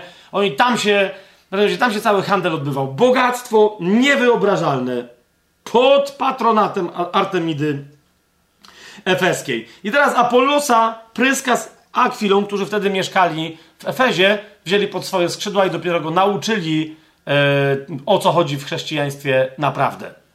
Tak? Teraz dziewiętnasty werset pokazuje nam Pawła, 19 rozdział, pierwszy werset, że w pewnym momencie, kiedy Apollos wyruszył z Efezu i popłynął zaś do Grecji, do Achai, czyli do Koryntu, wtedy Paweł zaś się pojawił w okolicach Efezu. Paweł obszedł okolice wyżej położone, no czyli rozumiemy, że zaś chodził po górach, zaś był we Frygii, w Galacji i dotarł do Efezu. I znalazłszy tam niektórych uczniów, zapytał ich, pamiętacie, tam jest historia, ewidentnie znalazł uczniów po Apollosie, którzy znali chrześcijanowy, nic nie wiedzieli o Duchu Świętym i tak dalej. Nie będziemy teraz tego rozważać, tylko się dowiadujemy w ósmym y, wersecie od ósmego do dziesiątego, że jak tych wszystkich mężczyzn, których było dwunastu, ochrzcił, ochrzcił Duchem Świętym i tak dalej, to potem przez trzy miesiące przychodził do synagogi, gdzie? W Efezie już, okay? i odważnie mówił, rozprawiając i przekonując o Królestwie Bożym. Gdy jednak niektórzy się upierali i nie chcieli uwierzyć i mówili źle o tej drodze wobec tłumów, odstąpił od nich, odłączył uczniów i codziennie rozprawiał w szkole niejakiego tyranosa. Krótko mówiąc, nigdzie indziej jak w Efezie Paweł dokonał odłączenia jasnego uczniów od Żydów. Paweł dokonał opuszczenia budynku religijnego i wykorzystania normalnego, powiedzielibyśmy dzisiaj, świeckiego budynku do tego, żeby prowadzić edukację chrześcijańską.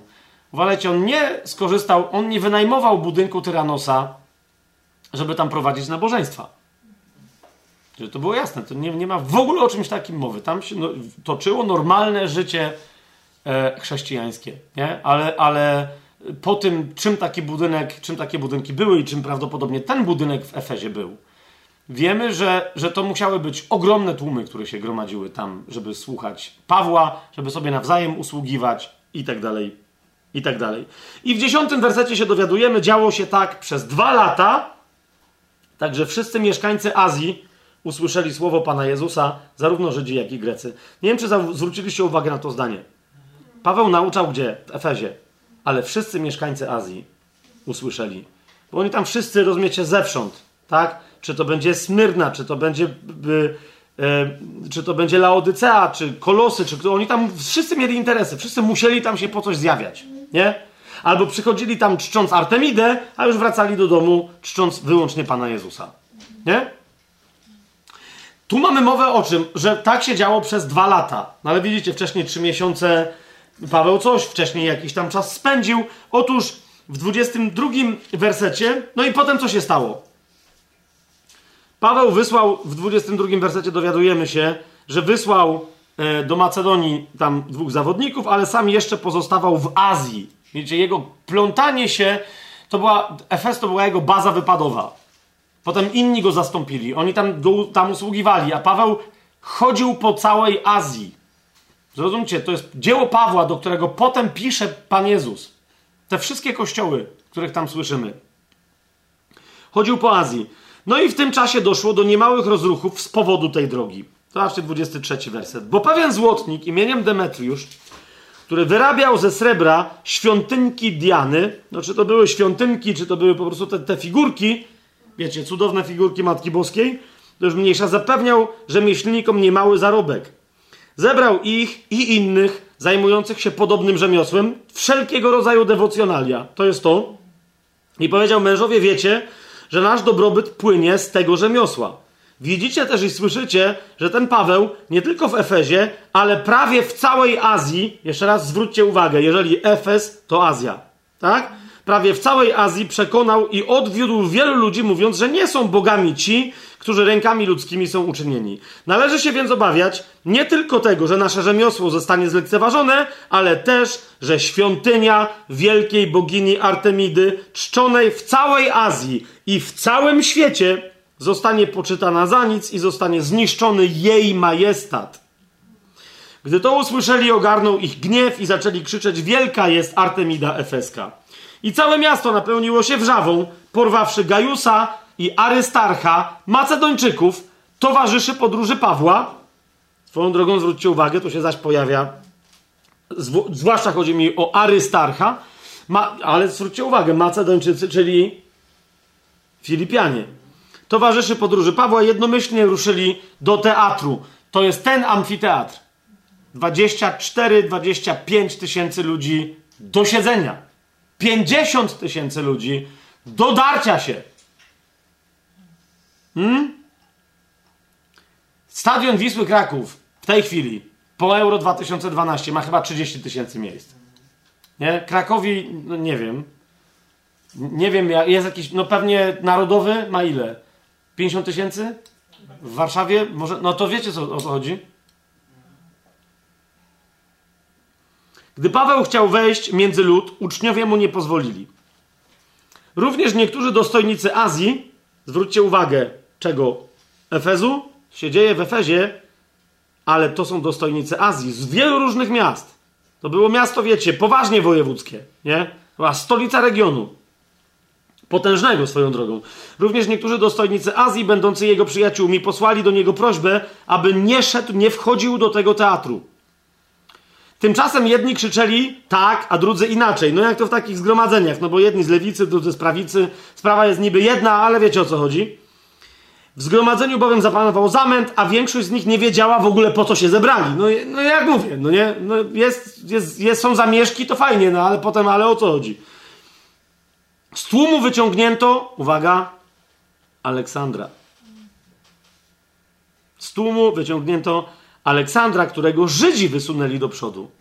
Teraz jest pytanie, to jest ten sam gość, czy nie ten sam?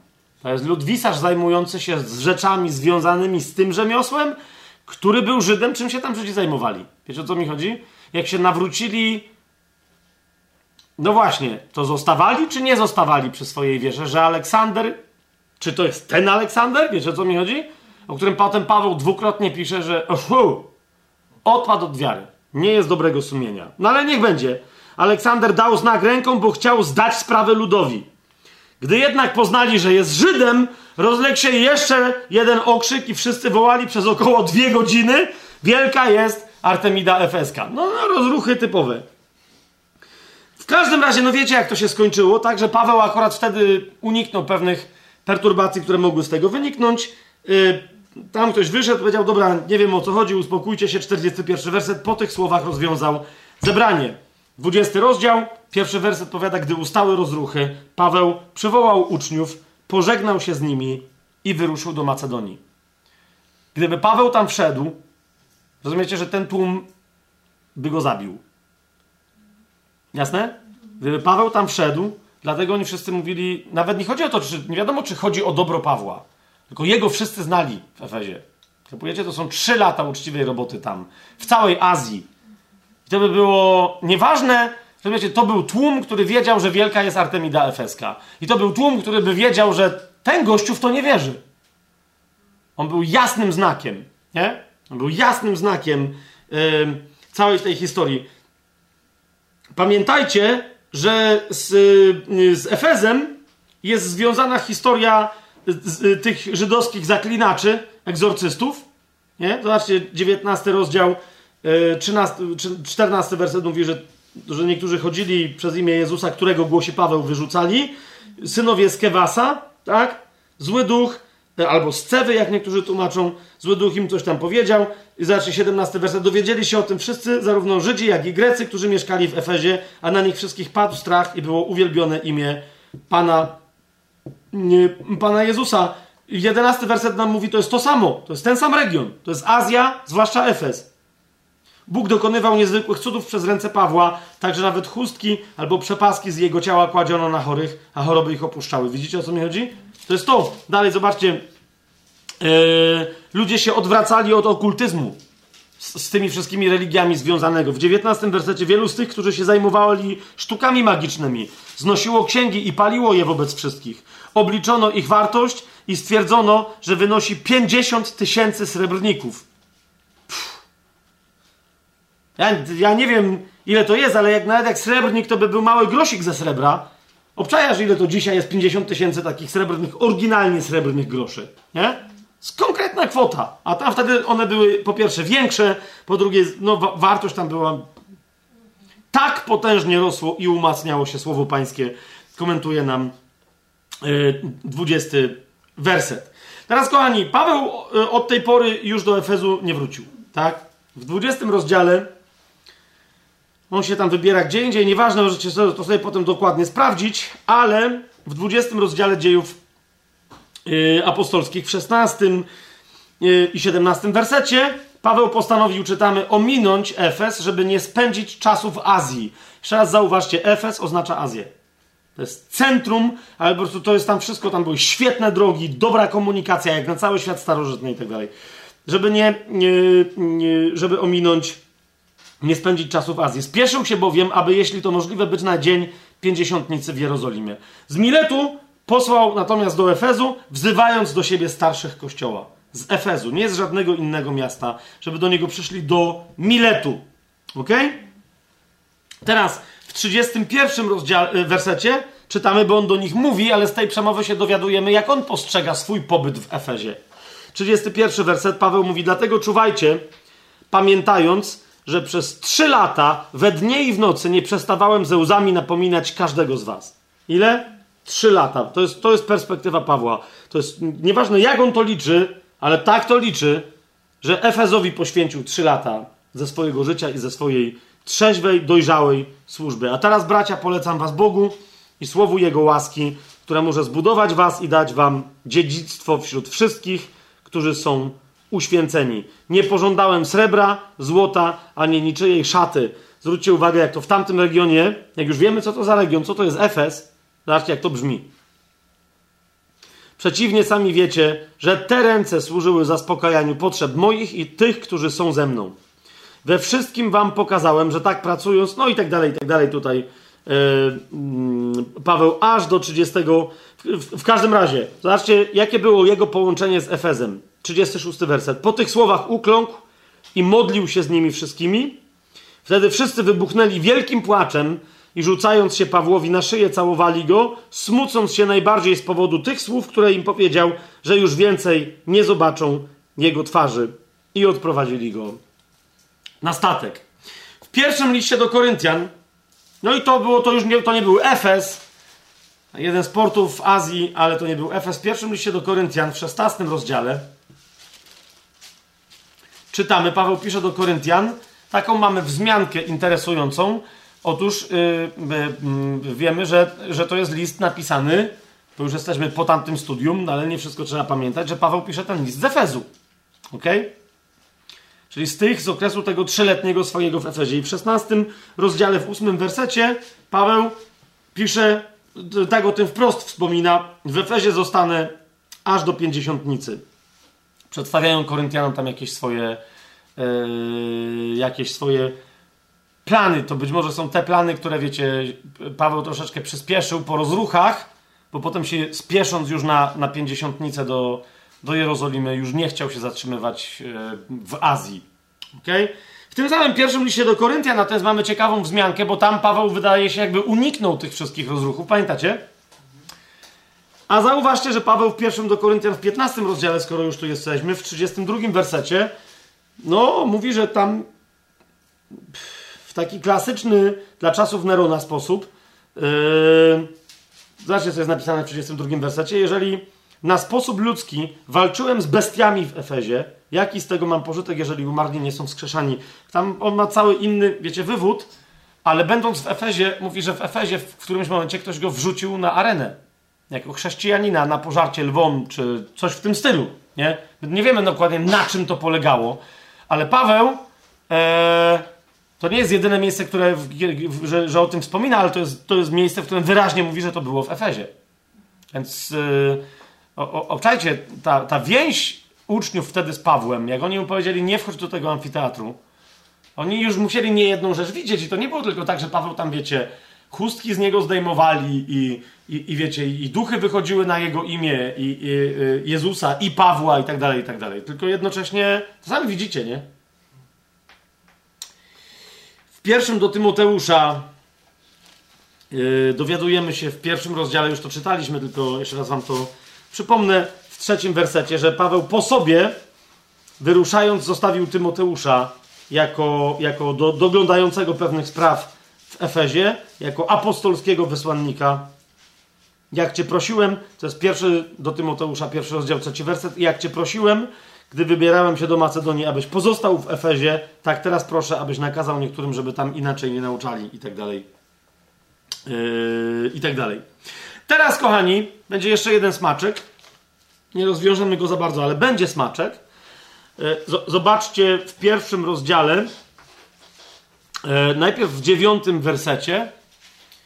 Jest taka tradycja chrześcijańska i niektórzy się obruszają, że co w ogóle się dzieje, e, że cała ta, ta, historia, że Matka Boska, że ona miała swój domek w Efezie i dlatego w Efezie została ogłoszona królową e, Matką Boską, właśnie Teotokos i tak dalej, że, że wynika przecież z Biblii, to przecież wiemy, że Jan się przeprowadził w pewnym momencie do Efezu, a skoro się przeprowadził do Efezu, no to przecież z Matką Boską. Takie są, e, wiecie, pewne tam przekazy religijne, E, no i no nie ma takiego przekazu, że się Jan przeprowadził do Efezu w Biblii, ale ale e, nie było wtedy tak, że jak ktoś był zsyłany do specyficznego rodzaju więzienia, że się go wysyłało na drugi koniec imperium. Jeżeli rozumiecie, co mówię. Nie? Czyli wiemy, że Jan w pewnym momencie musiał gdzieś wyemigrować i w pewnym momencie swoich działań został skazany przez imperium rzymskie, o czym pisze w dziewiątym wersecie pierwszego rozdziału swojego, e, znaczy nie swojego, ale swojej księgi objawienia. Ja, Jan, który też jestem waszym bratem i współuczestnikiem w ucisku i królestwie oraz w cierpliwości Jezusa Chrystusa, byłem na wyspie zwanej Patmos z powodu Słowa Bożego i świadectwa Jezusa Chrystusa. Czyli świadczył o Chrystusie i został zesłany na wyspę Patmos. Wyspa Patmos, jeżeli miał być skądś Jan zsyłany, znajduje się najbliżej portu w Efezie. Zważywszy na wiatry, nurty, prądy pewne i tak Najbliżej znajdował się Efes. Jest, nie? Niektórzy mówią, że z Miletu też go mogli wysłać. No może, tylko jeszcze raz, jak ktoś tam głosił, to musiał głosić w Efezie. Nie? Więc jest pewna wzmianka sugerująca tutaj w Biblii dosyć, no na przykład tu, że w pewnym momencie Jan tam gdzieś się znajdował. Zauważcie ciekawe historie, w którym momencie, e, kiedy Paweł pisze, że się spotkał z Janem, a ile razy się jeszcze mogli spotkać. Gdzie? Nie? Całkiem możliwe, że Maria tam mieszkała. Nie?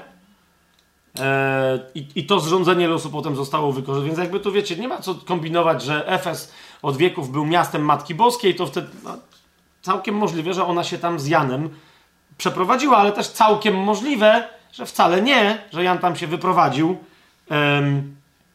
że Jan tam się wyprowadził dopiero kiedy ona umarła i się przeprowadził do Efesu. Wiem, że tam są różne przekazy i podania, no ale wiecie, jeżeli by wierzyć na przykład prawosławnym, no bo w kościele, w religii rzymskokatolickiej się wierzy, y, że tak zwana Matka Boska została wzięta do nieba z duszą i ciałem, że w ogóle nie umarła, tylko usnęła i niczym Eliasz i Henoch została wzięta z Efezu, chyba zdaje się właśnie, do nieba, nie? Na co prawosławni mówią, że to, to fajnie macie, a że ona została z ciałem i duszą wzięta do nieba, bo my w Jerozolimie mamy jej grób. I tam byłem. Przy tym, że grobie nie wszedłem do środka, ponieważ ktoś chciał kupić moją żonę za 100 wielbłądów. Tam, tam autentyczne, autentyczne zdarzenie, no nie? Więc tam jakby do końca nie zwiedziłem, ale wiem, że później no niektórzy mieli problem, jak im opowiadałem, że no to była wzięta czy nie wzięta. My wierzymy tak samo jak prawosławni, no ale prawosławni mają kościół grobu Najświętszej Marii Panny w Jerozolimie, nie w Efezie. Więc co się dzieje? Już pomijam, że w Efezie czy w Jerozolimie, no ale w każdym razie oni mówią, że ona tam leży z kością, wiecie, z czaszką i tak dalej, nie? Więc okej, okay, okej, okay, ale Jan rzeczywiście jest związany z Efezem, chociażby przez tą wyspę Patmos. To jest jedno. Po drugie, no jest, mówi, że miał to objawienie na wyspie Patmos, to jest wyspa należąca nadal do dystryktu Azji Mniejszej, tylko jest wyspą, należy na morzu, nie? No ale myślę, że przy Szczecinie, czy tam, nie wiem, jeżeli kiedyś Hel był wyspą, nie wiem, czy był teraz, żeby nie było, no nie, jak teraz, teraz zdaje się, że półwyspem, nie? Czy, czy z powrotem coś tam się zdarzyło? Jest półwyspem? Hel? Okej. Okay. Ale kiedyś mógł być wyspą. Albo może kiedyś być wyspą. No, w każdym razie, to nadal będzie należał do województwa tam, nie wiem, gdańskiego, czy jakie tam istnieje. Okej, okay, no wiecie o co mi chodzi, tak?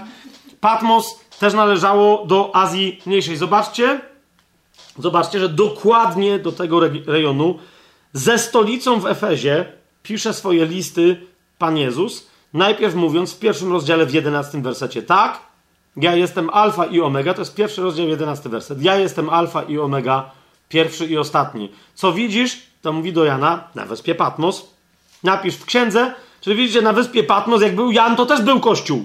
Tak nawiasem mówiąc, nie? Jakby ktoś się doszukiwał tych 14 kościołów. Więc co widzisz, napisz w księdze i poślij do siedmiu kościołów, które są w Azji. Pan Jezus sam o tym mówi.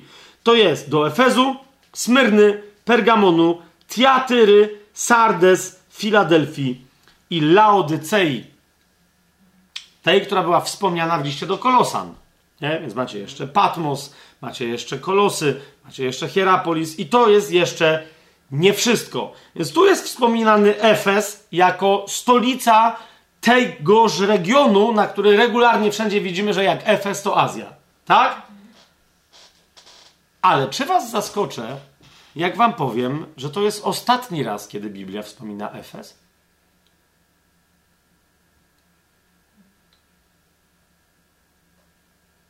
Teraz będzie.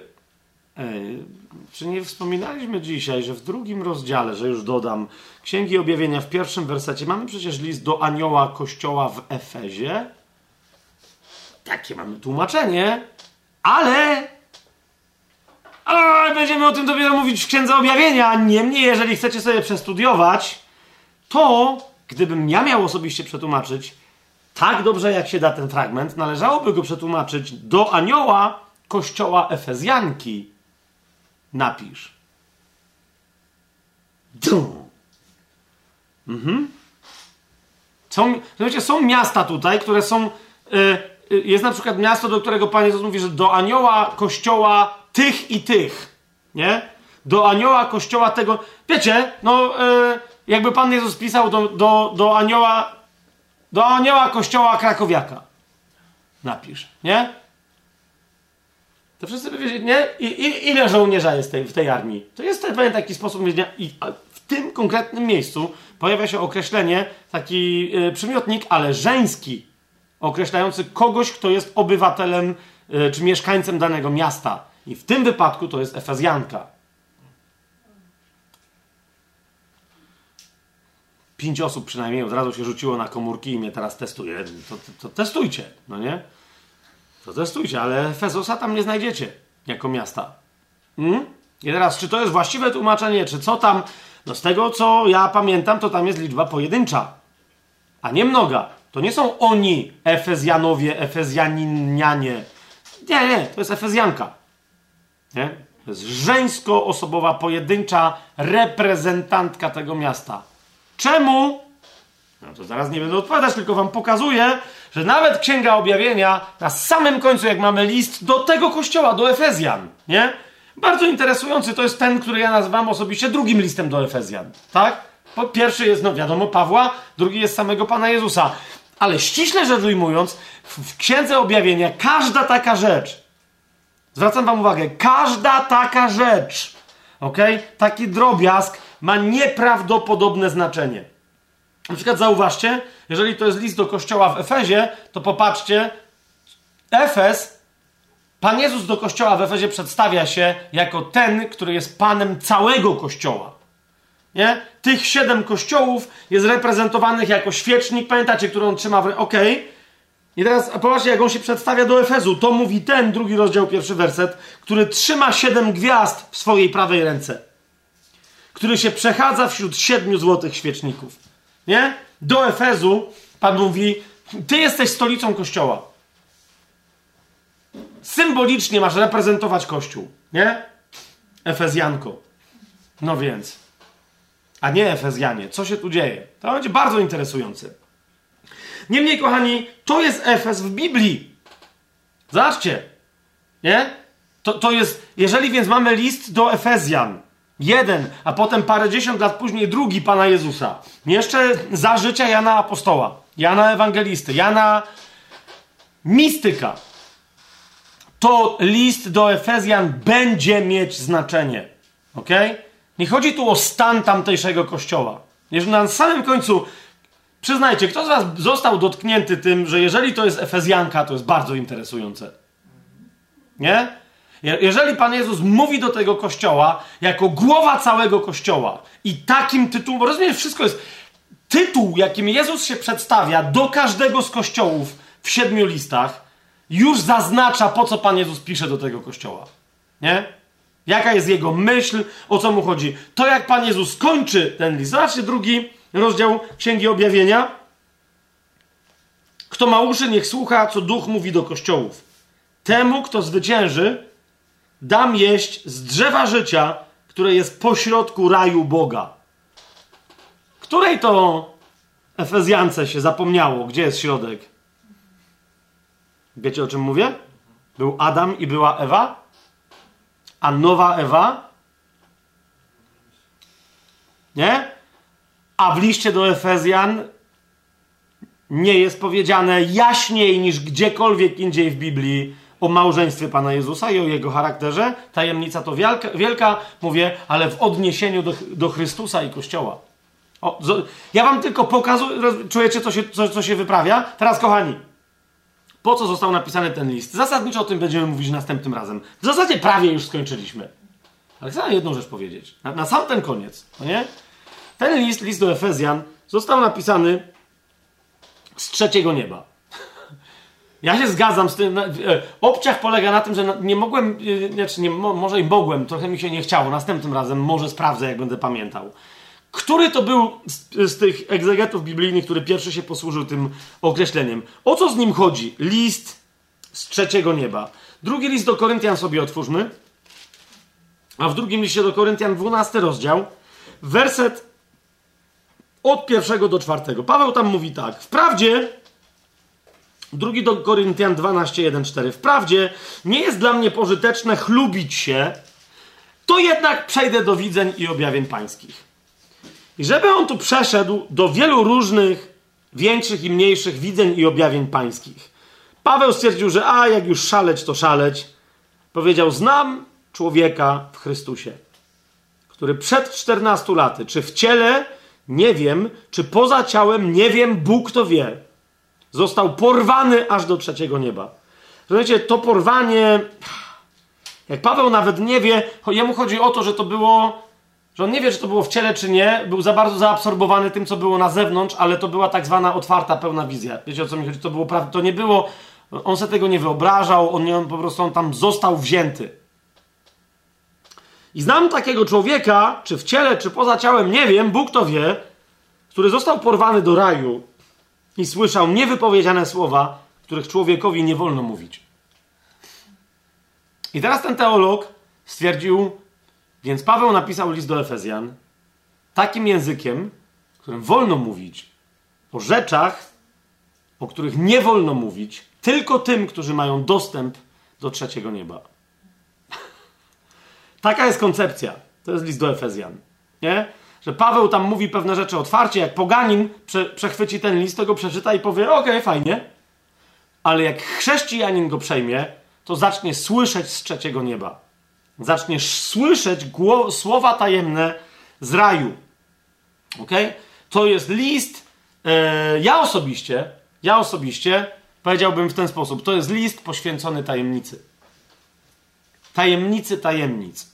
Jest w Biblii, e, w języku greckim, bo to tam w Biblii, e, w języku greckim takie słowo, które właśnie list do Efezjan, Biblia Warszawska w trzecim rozdziale, w jednym miejscu to słowo przetłumaczyła jako tajemny plan. Nie? Ale to słowo to jest jedno słowo, to nie są dwa słowa, tylko tam w kontekście zdania, jeszcze raz powtarzam, całkiem fajne tłumaczenie. Ale jest to jedno słowo, to słowo brzmi misterion. Misterion. I teraz Kochani, to słowo misterion, czyli po prostu tajemnica, w Nowym Testamencie, Testamencie pojawia się na przykład Pan Jezus. Nie, nie chcę teraz się machnąć, ale wydaje mi się, że się w poszczególnych Ewangeliach synoptycznych, w Ewangelii Jana w ogóle chyba nie ma tego wyrazu, ale mogę się mylić, żeby nie było. Pan Jezus się posługuje tym wyrazem zasadniczo, kiedy mówi: Wam dane jest poznać tajemnicę królestwa. Nie, zawsze w liczbie mnogiej, myślę, są różne tajemnice. Albo że to jest tajemnica królestwa. W Ewangelii Mateusza, Marka, Łukasza. W innych miejscach e, Biblii pojawia się ten wyraz, na przykład u Jana pojawia się, ale w Księdze Objawienia. Tajemnica, misterion. Pojawia się i to na określenie kogo? E, wielkiej nierządnicy Babilon. Jest powiedziane, że, że, jej, że ona ma na sobie napisane tajemnica, misterion, ale no, domyślacie się, że to jest trochę inna tajemnica niż tajemnica królestwa. To jest, to jest antytajemnica tak naprawdę, nie? To, to jest parodia tego, o co chodzi, kiedy Paweł, bo nawet Paweł, jak mówi, na przykład Paweł pisze o tajemnicy nieprawości, w, w wyniku której pojawi się też, i to jest też słowo misterium, rozumiecie o co mi idzie? Ale jest jedna tajemnica, jeszcze raz powtórzę, której karykaturą jest wielka nierządnica babilońska. To jest karykatura tej jednej, centralnej, nawet nie oczka w głowie, ale oczka w sercu Bożym tajemnicy. Istnieje tajemnica ponad tajemnicami. Nie?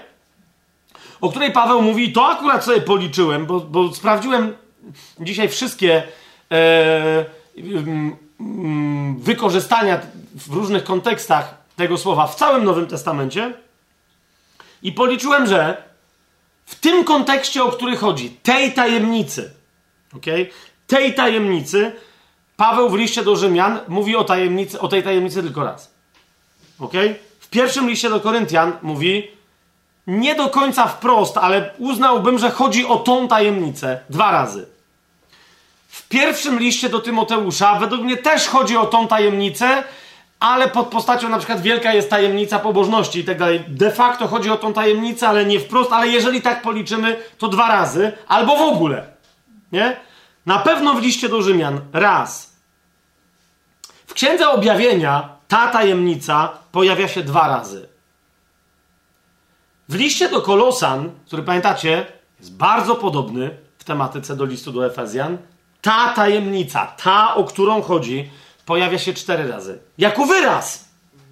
W liście do Efezjan sześć.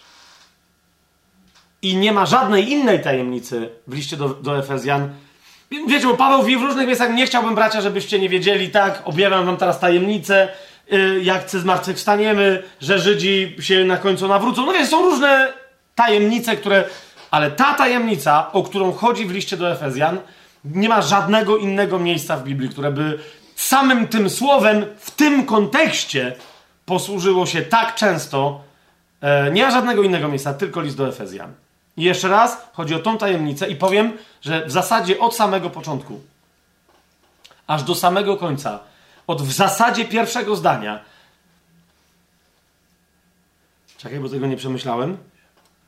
Od, nie w zasadzie, tylko od pierwszego zdania. To teraz muszę szybko sprawdzić. Do ostatniego zdania.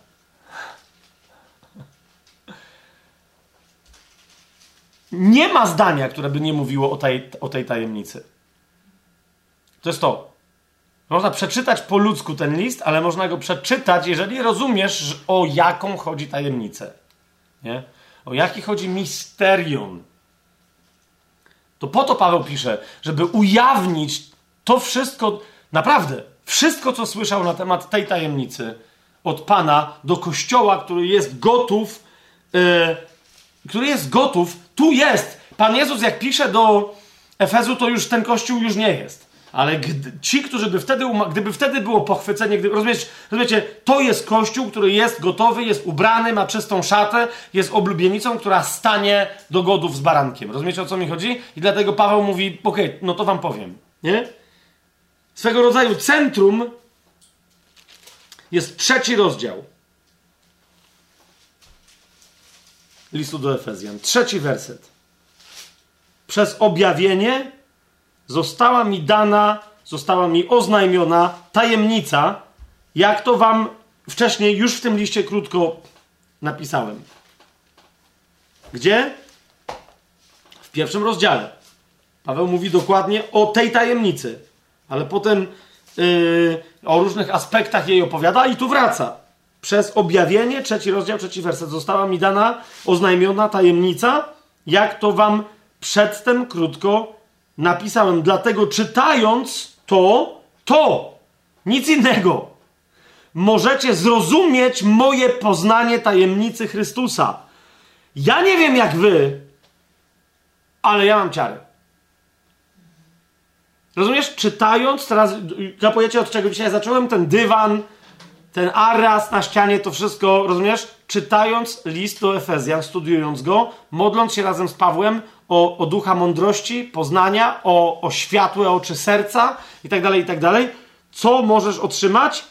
Czytając to, możecie zrozumieć moje poznanie tajemnicy Chrystusa. Ten misterium to jest, to jest ta tajemnica, to jest tajemnica Chrystusa, która w innych wiekach nie była znana synom ludzkim jak teraz została objawiona Jego świętym apostołom i prorokom przez ducha.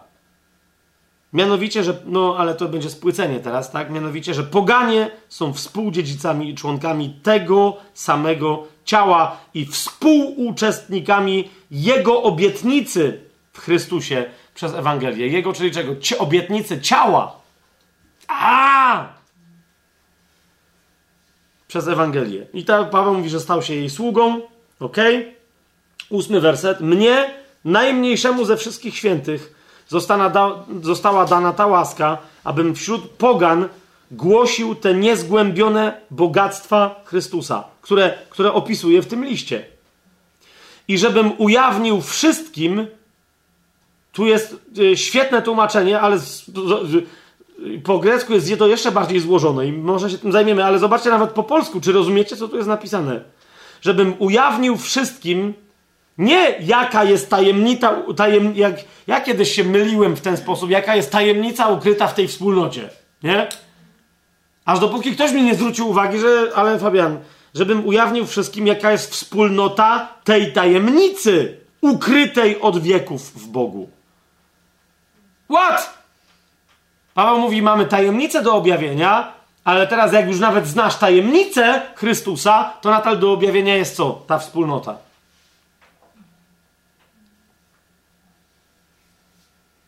Ukrytej od wieków w Bogu, który wszystko stworzył przez Jezusa Chrystusa. Aby teraz ta wieloraka mądrość Boga poprzez Kościół stała się jawna zwierzchnością i władzą w miejscach niebiańskich. Jeżeli na przykład ktoś nie zrozumie tego momentu, spójrzcie na to, kto ma ob objawiać co, komu, gdzie. Jeszcze raz, kto ma objawiać? No, nawet jeżeli przez Kościół, to de facto Kościół. Bóg chce coś objawić, tak? Ale przez Kościół.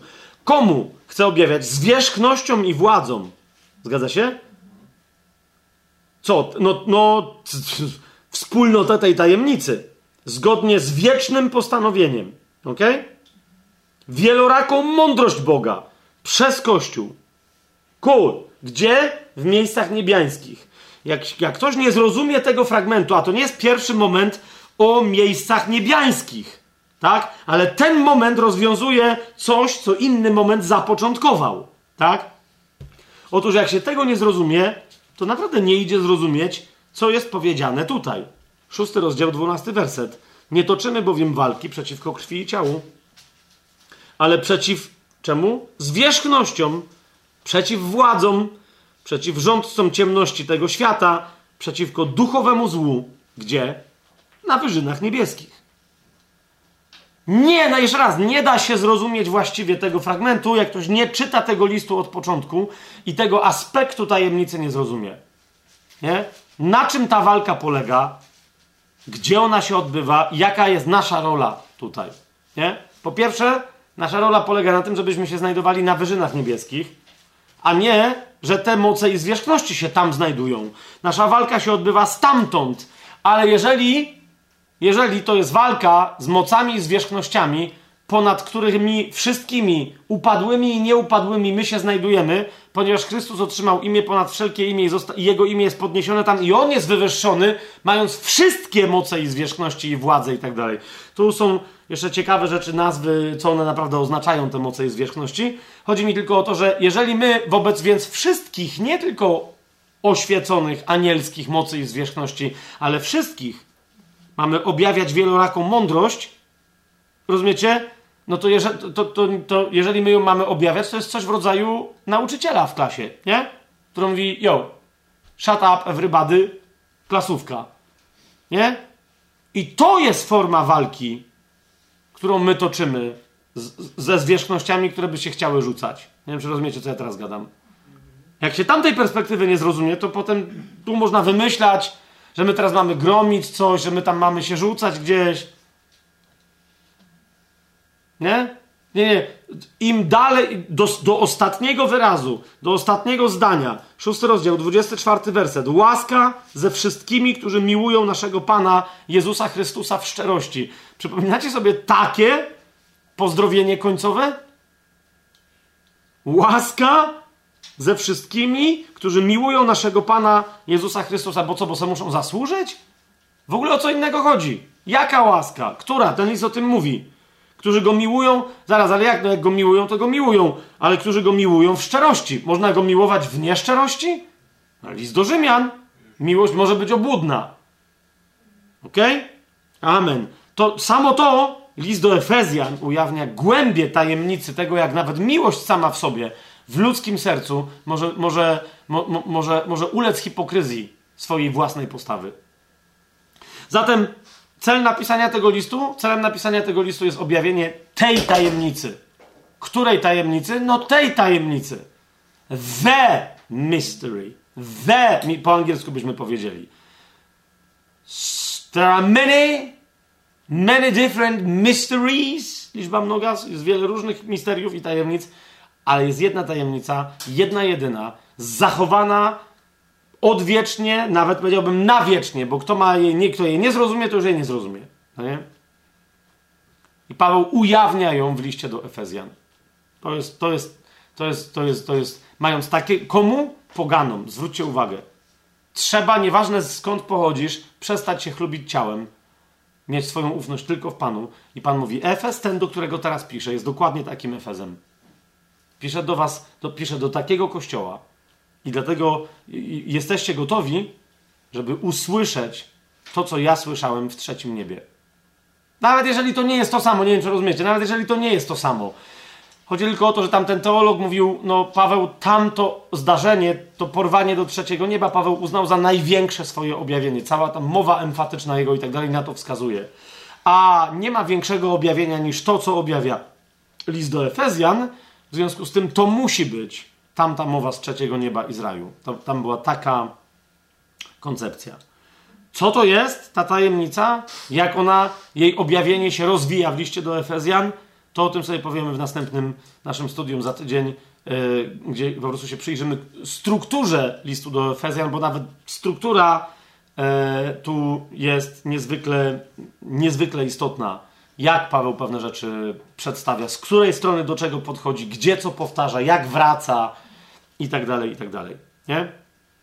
Yy, a potem jeszcze jedno spotkanie poświęcone pięciorakiej służbie i jeszcze jedno właśnie tej y, walce duchowej z, z, z, punktem jej centralnym, którym jest, co to właściwie jest zbroja Boża i jak ją założyć raz na zawsze już jej więcej nigdy y, nie zdejmować. To będzie to. To i tylko to. Więc naprawdę, jeżeli gdzieś bym powiedział, kochani, niech, niech nasze studium będzie inspiracją do osobistego studium, do osobistego badania. Jeżeli gdzieś mam coś takiego powiedzieć, to przyliście do Efezjan. Nie?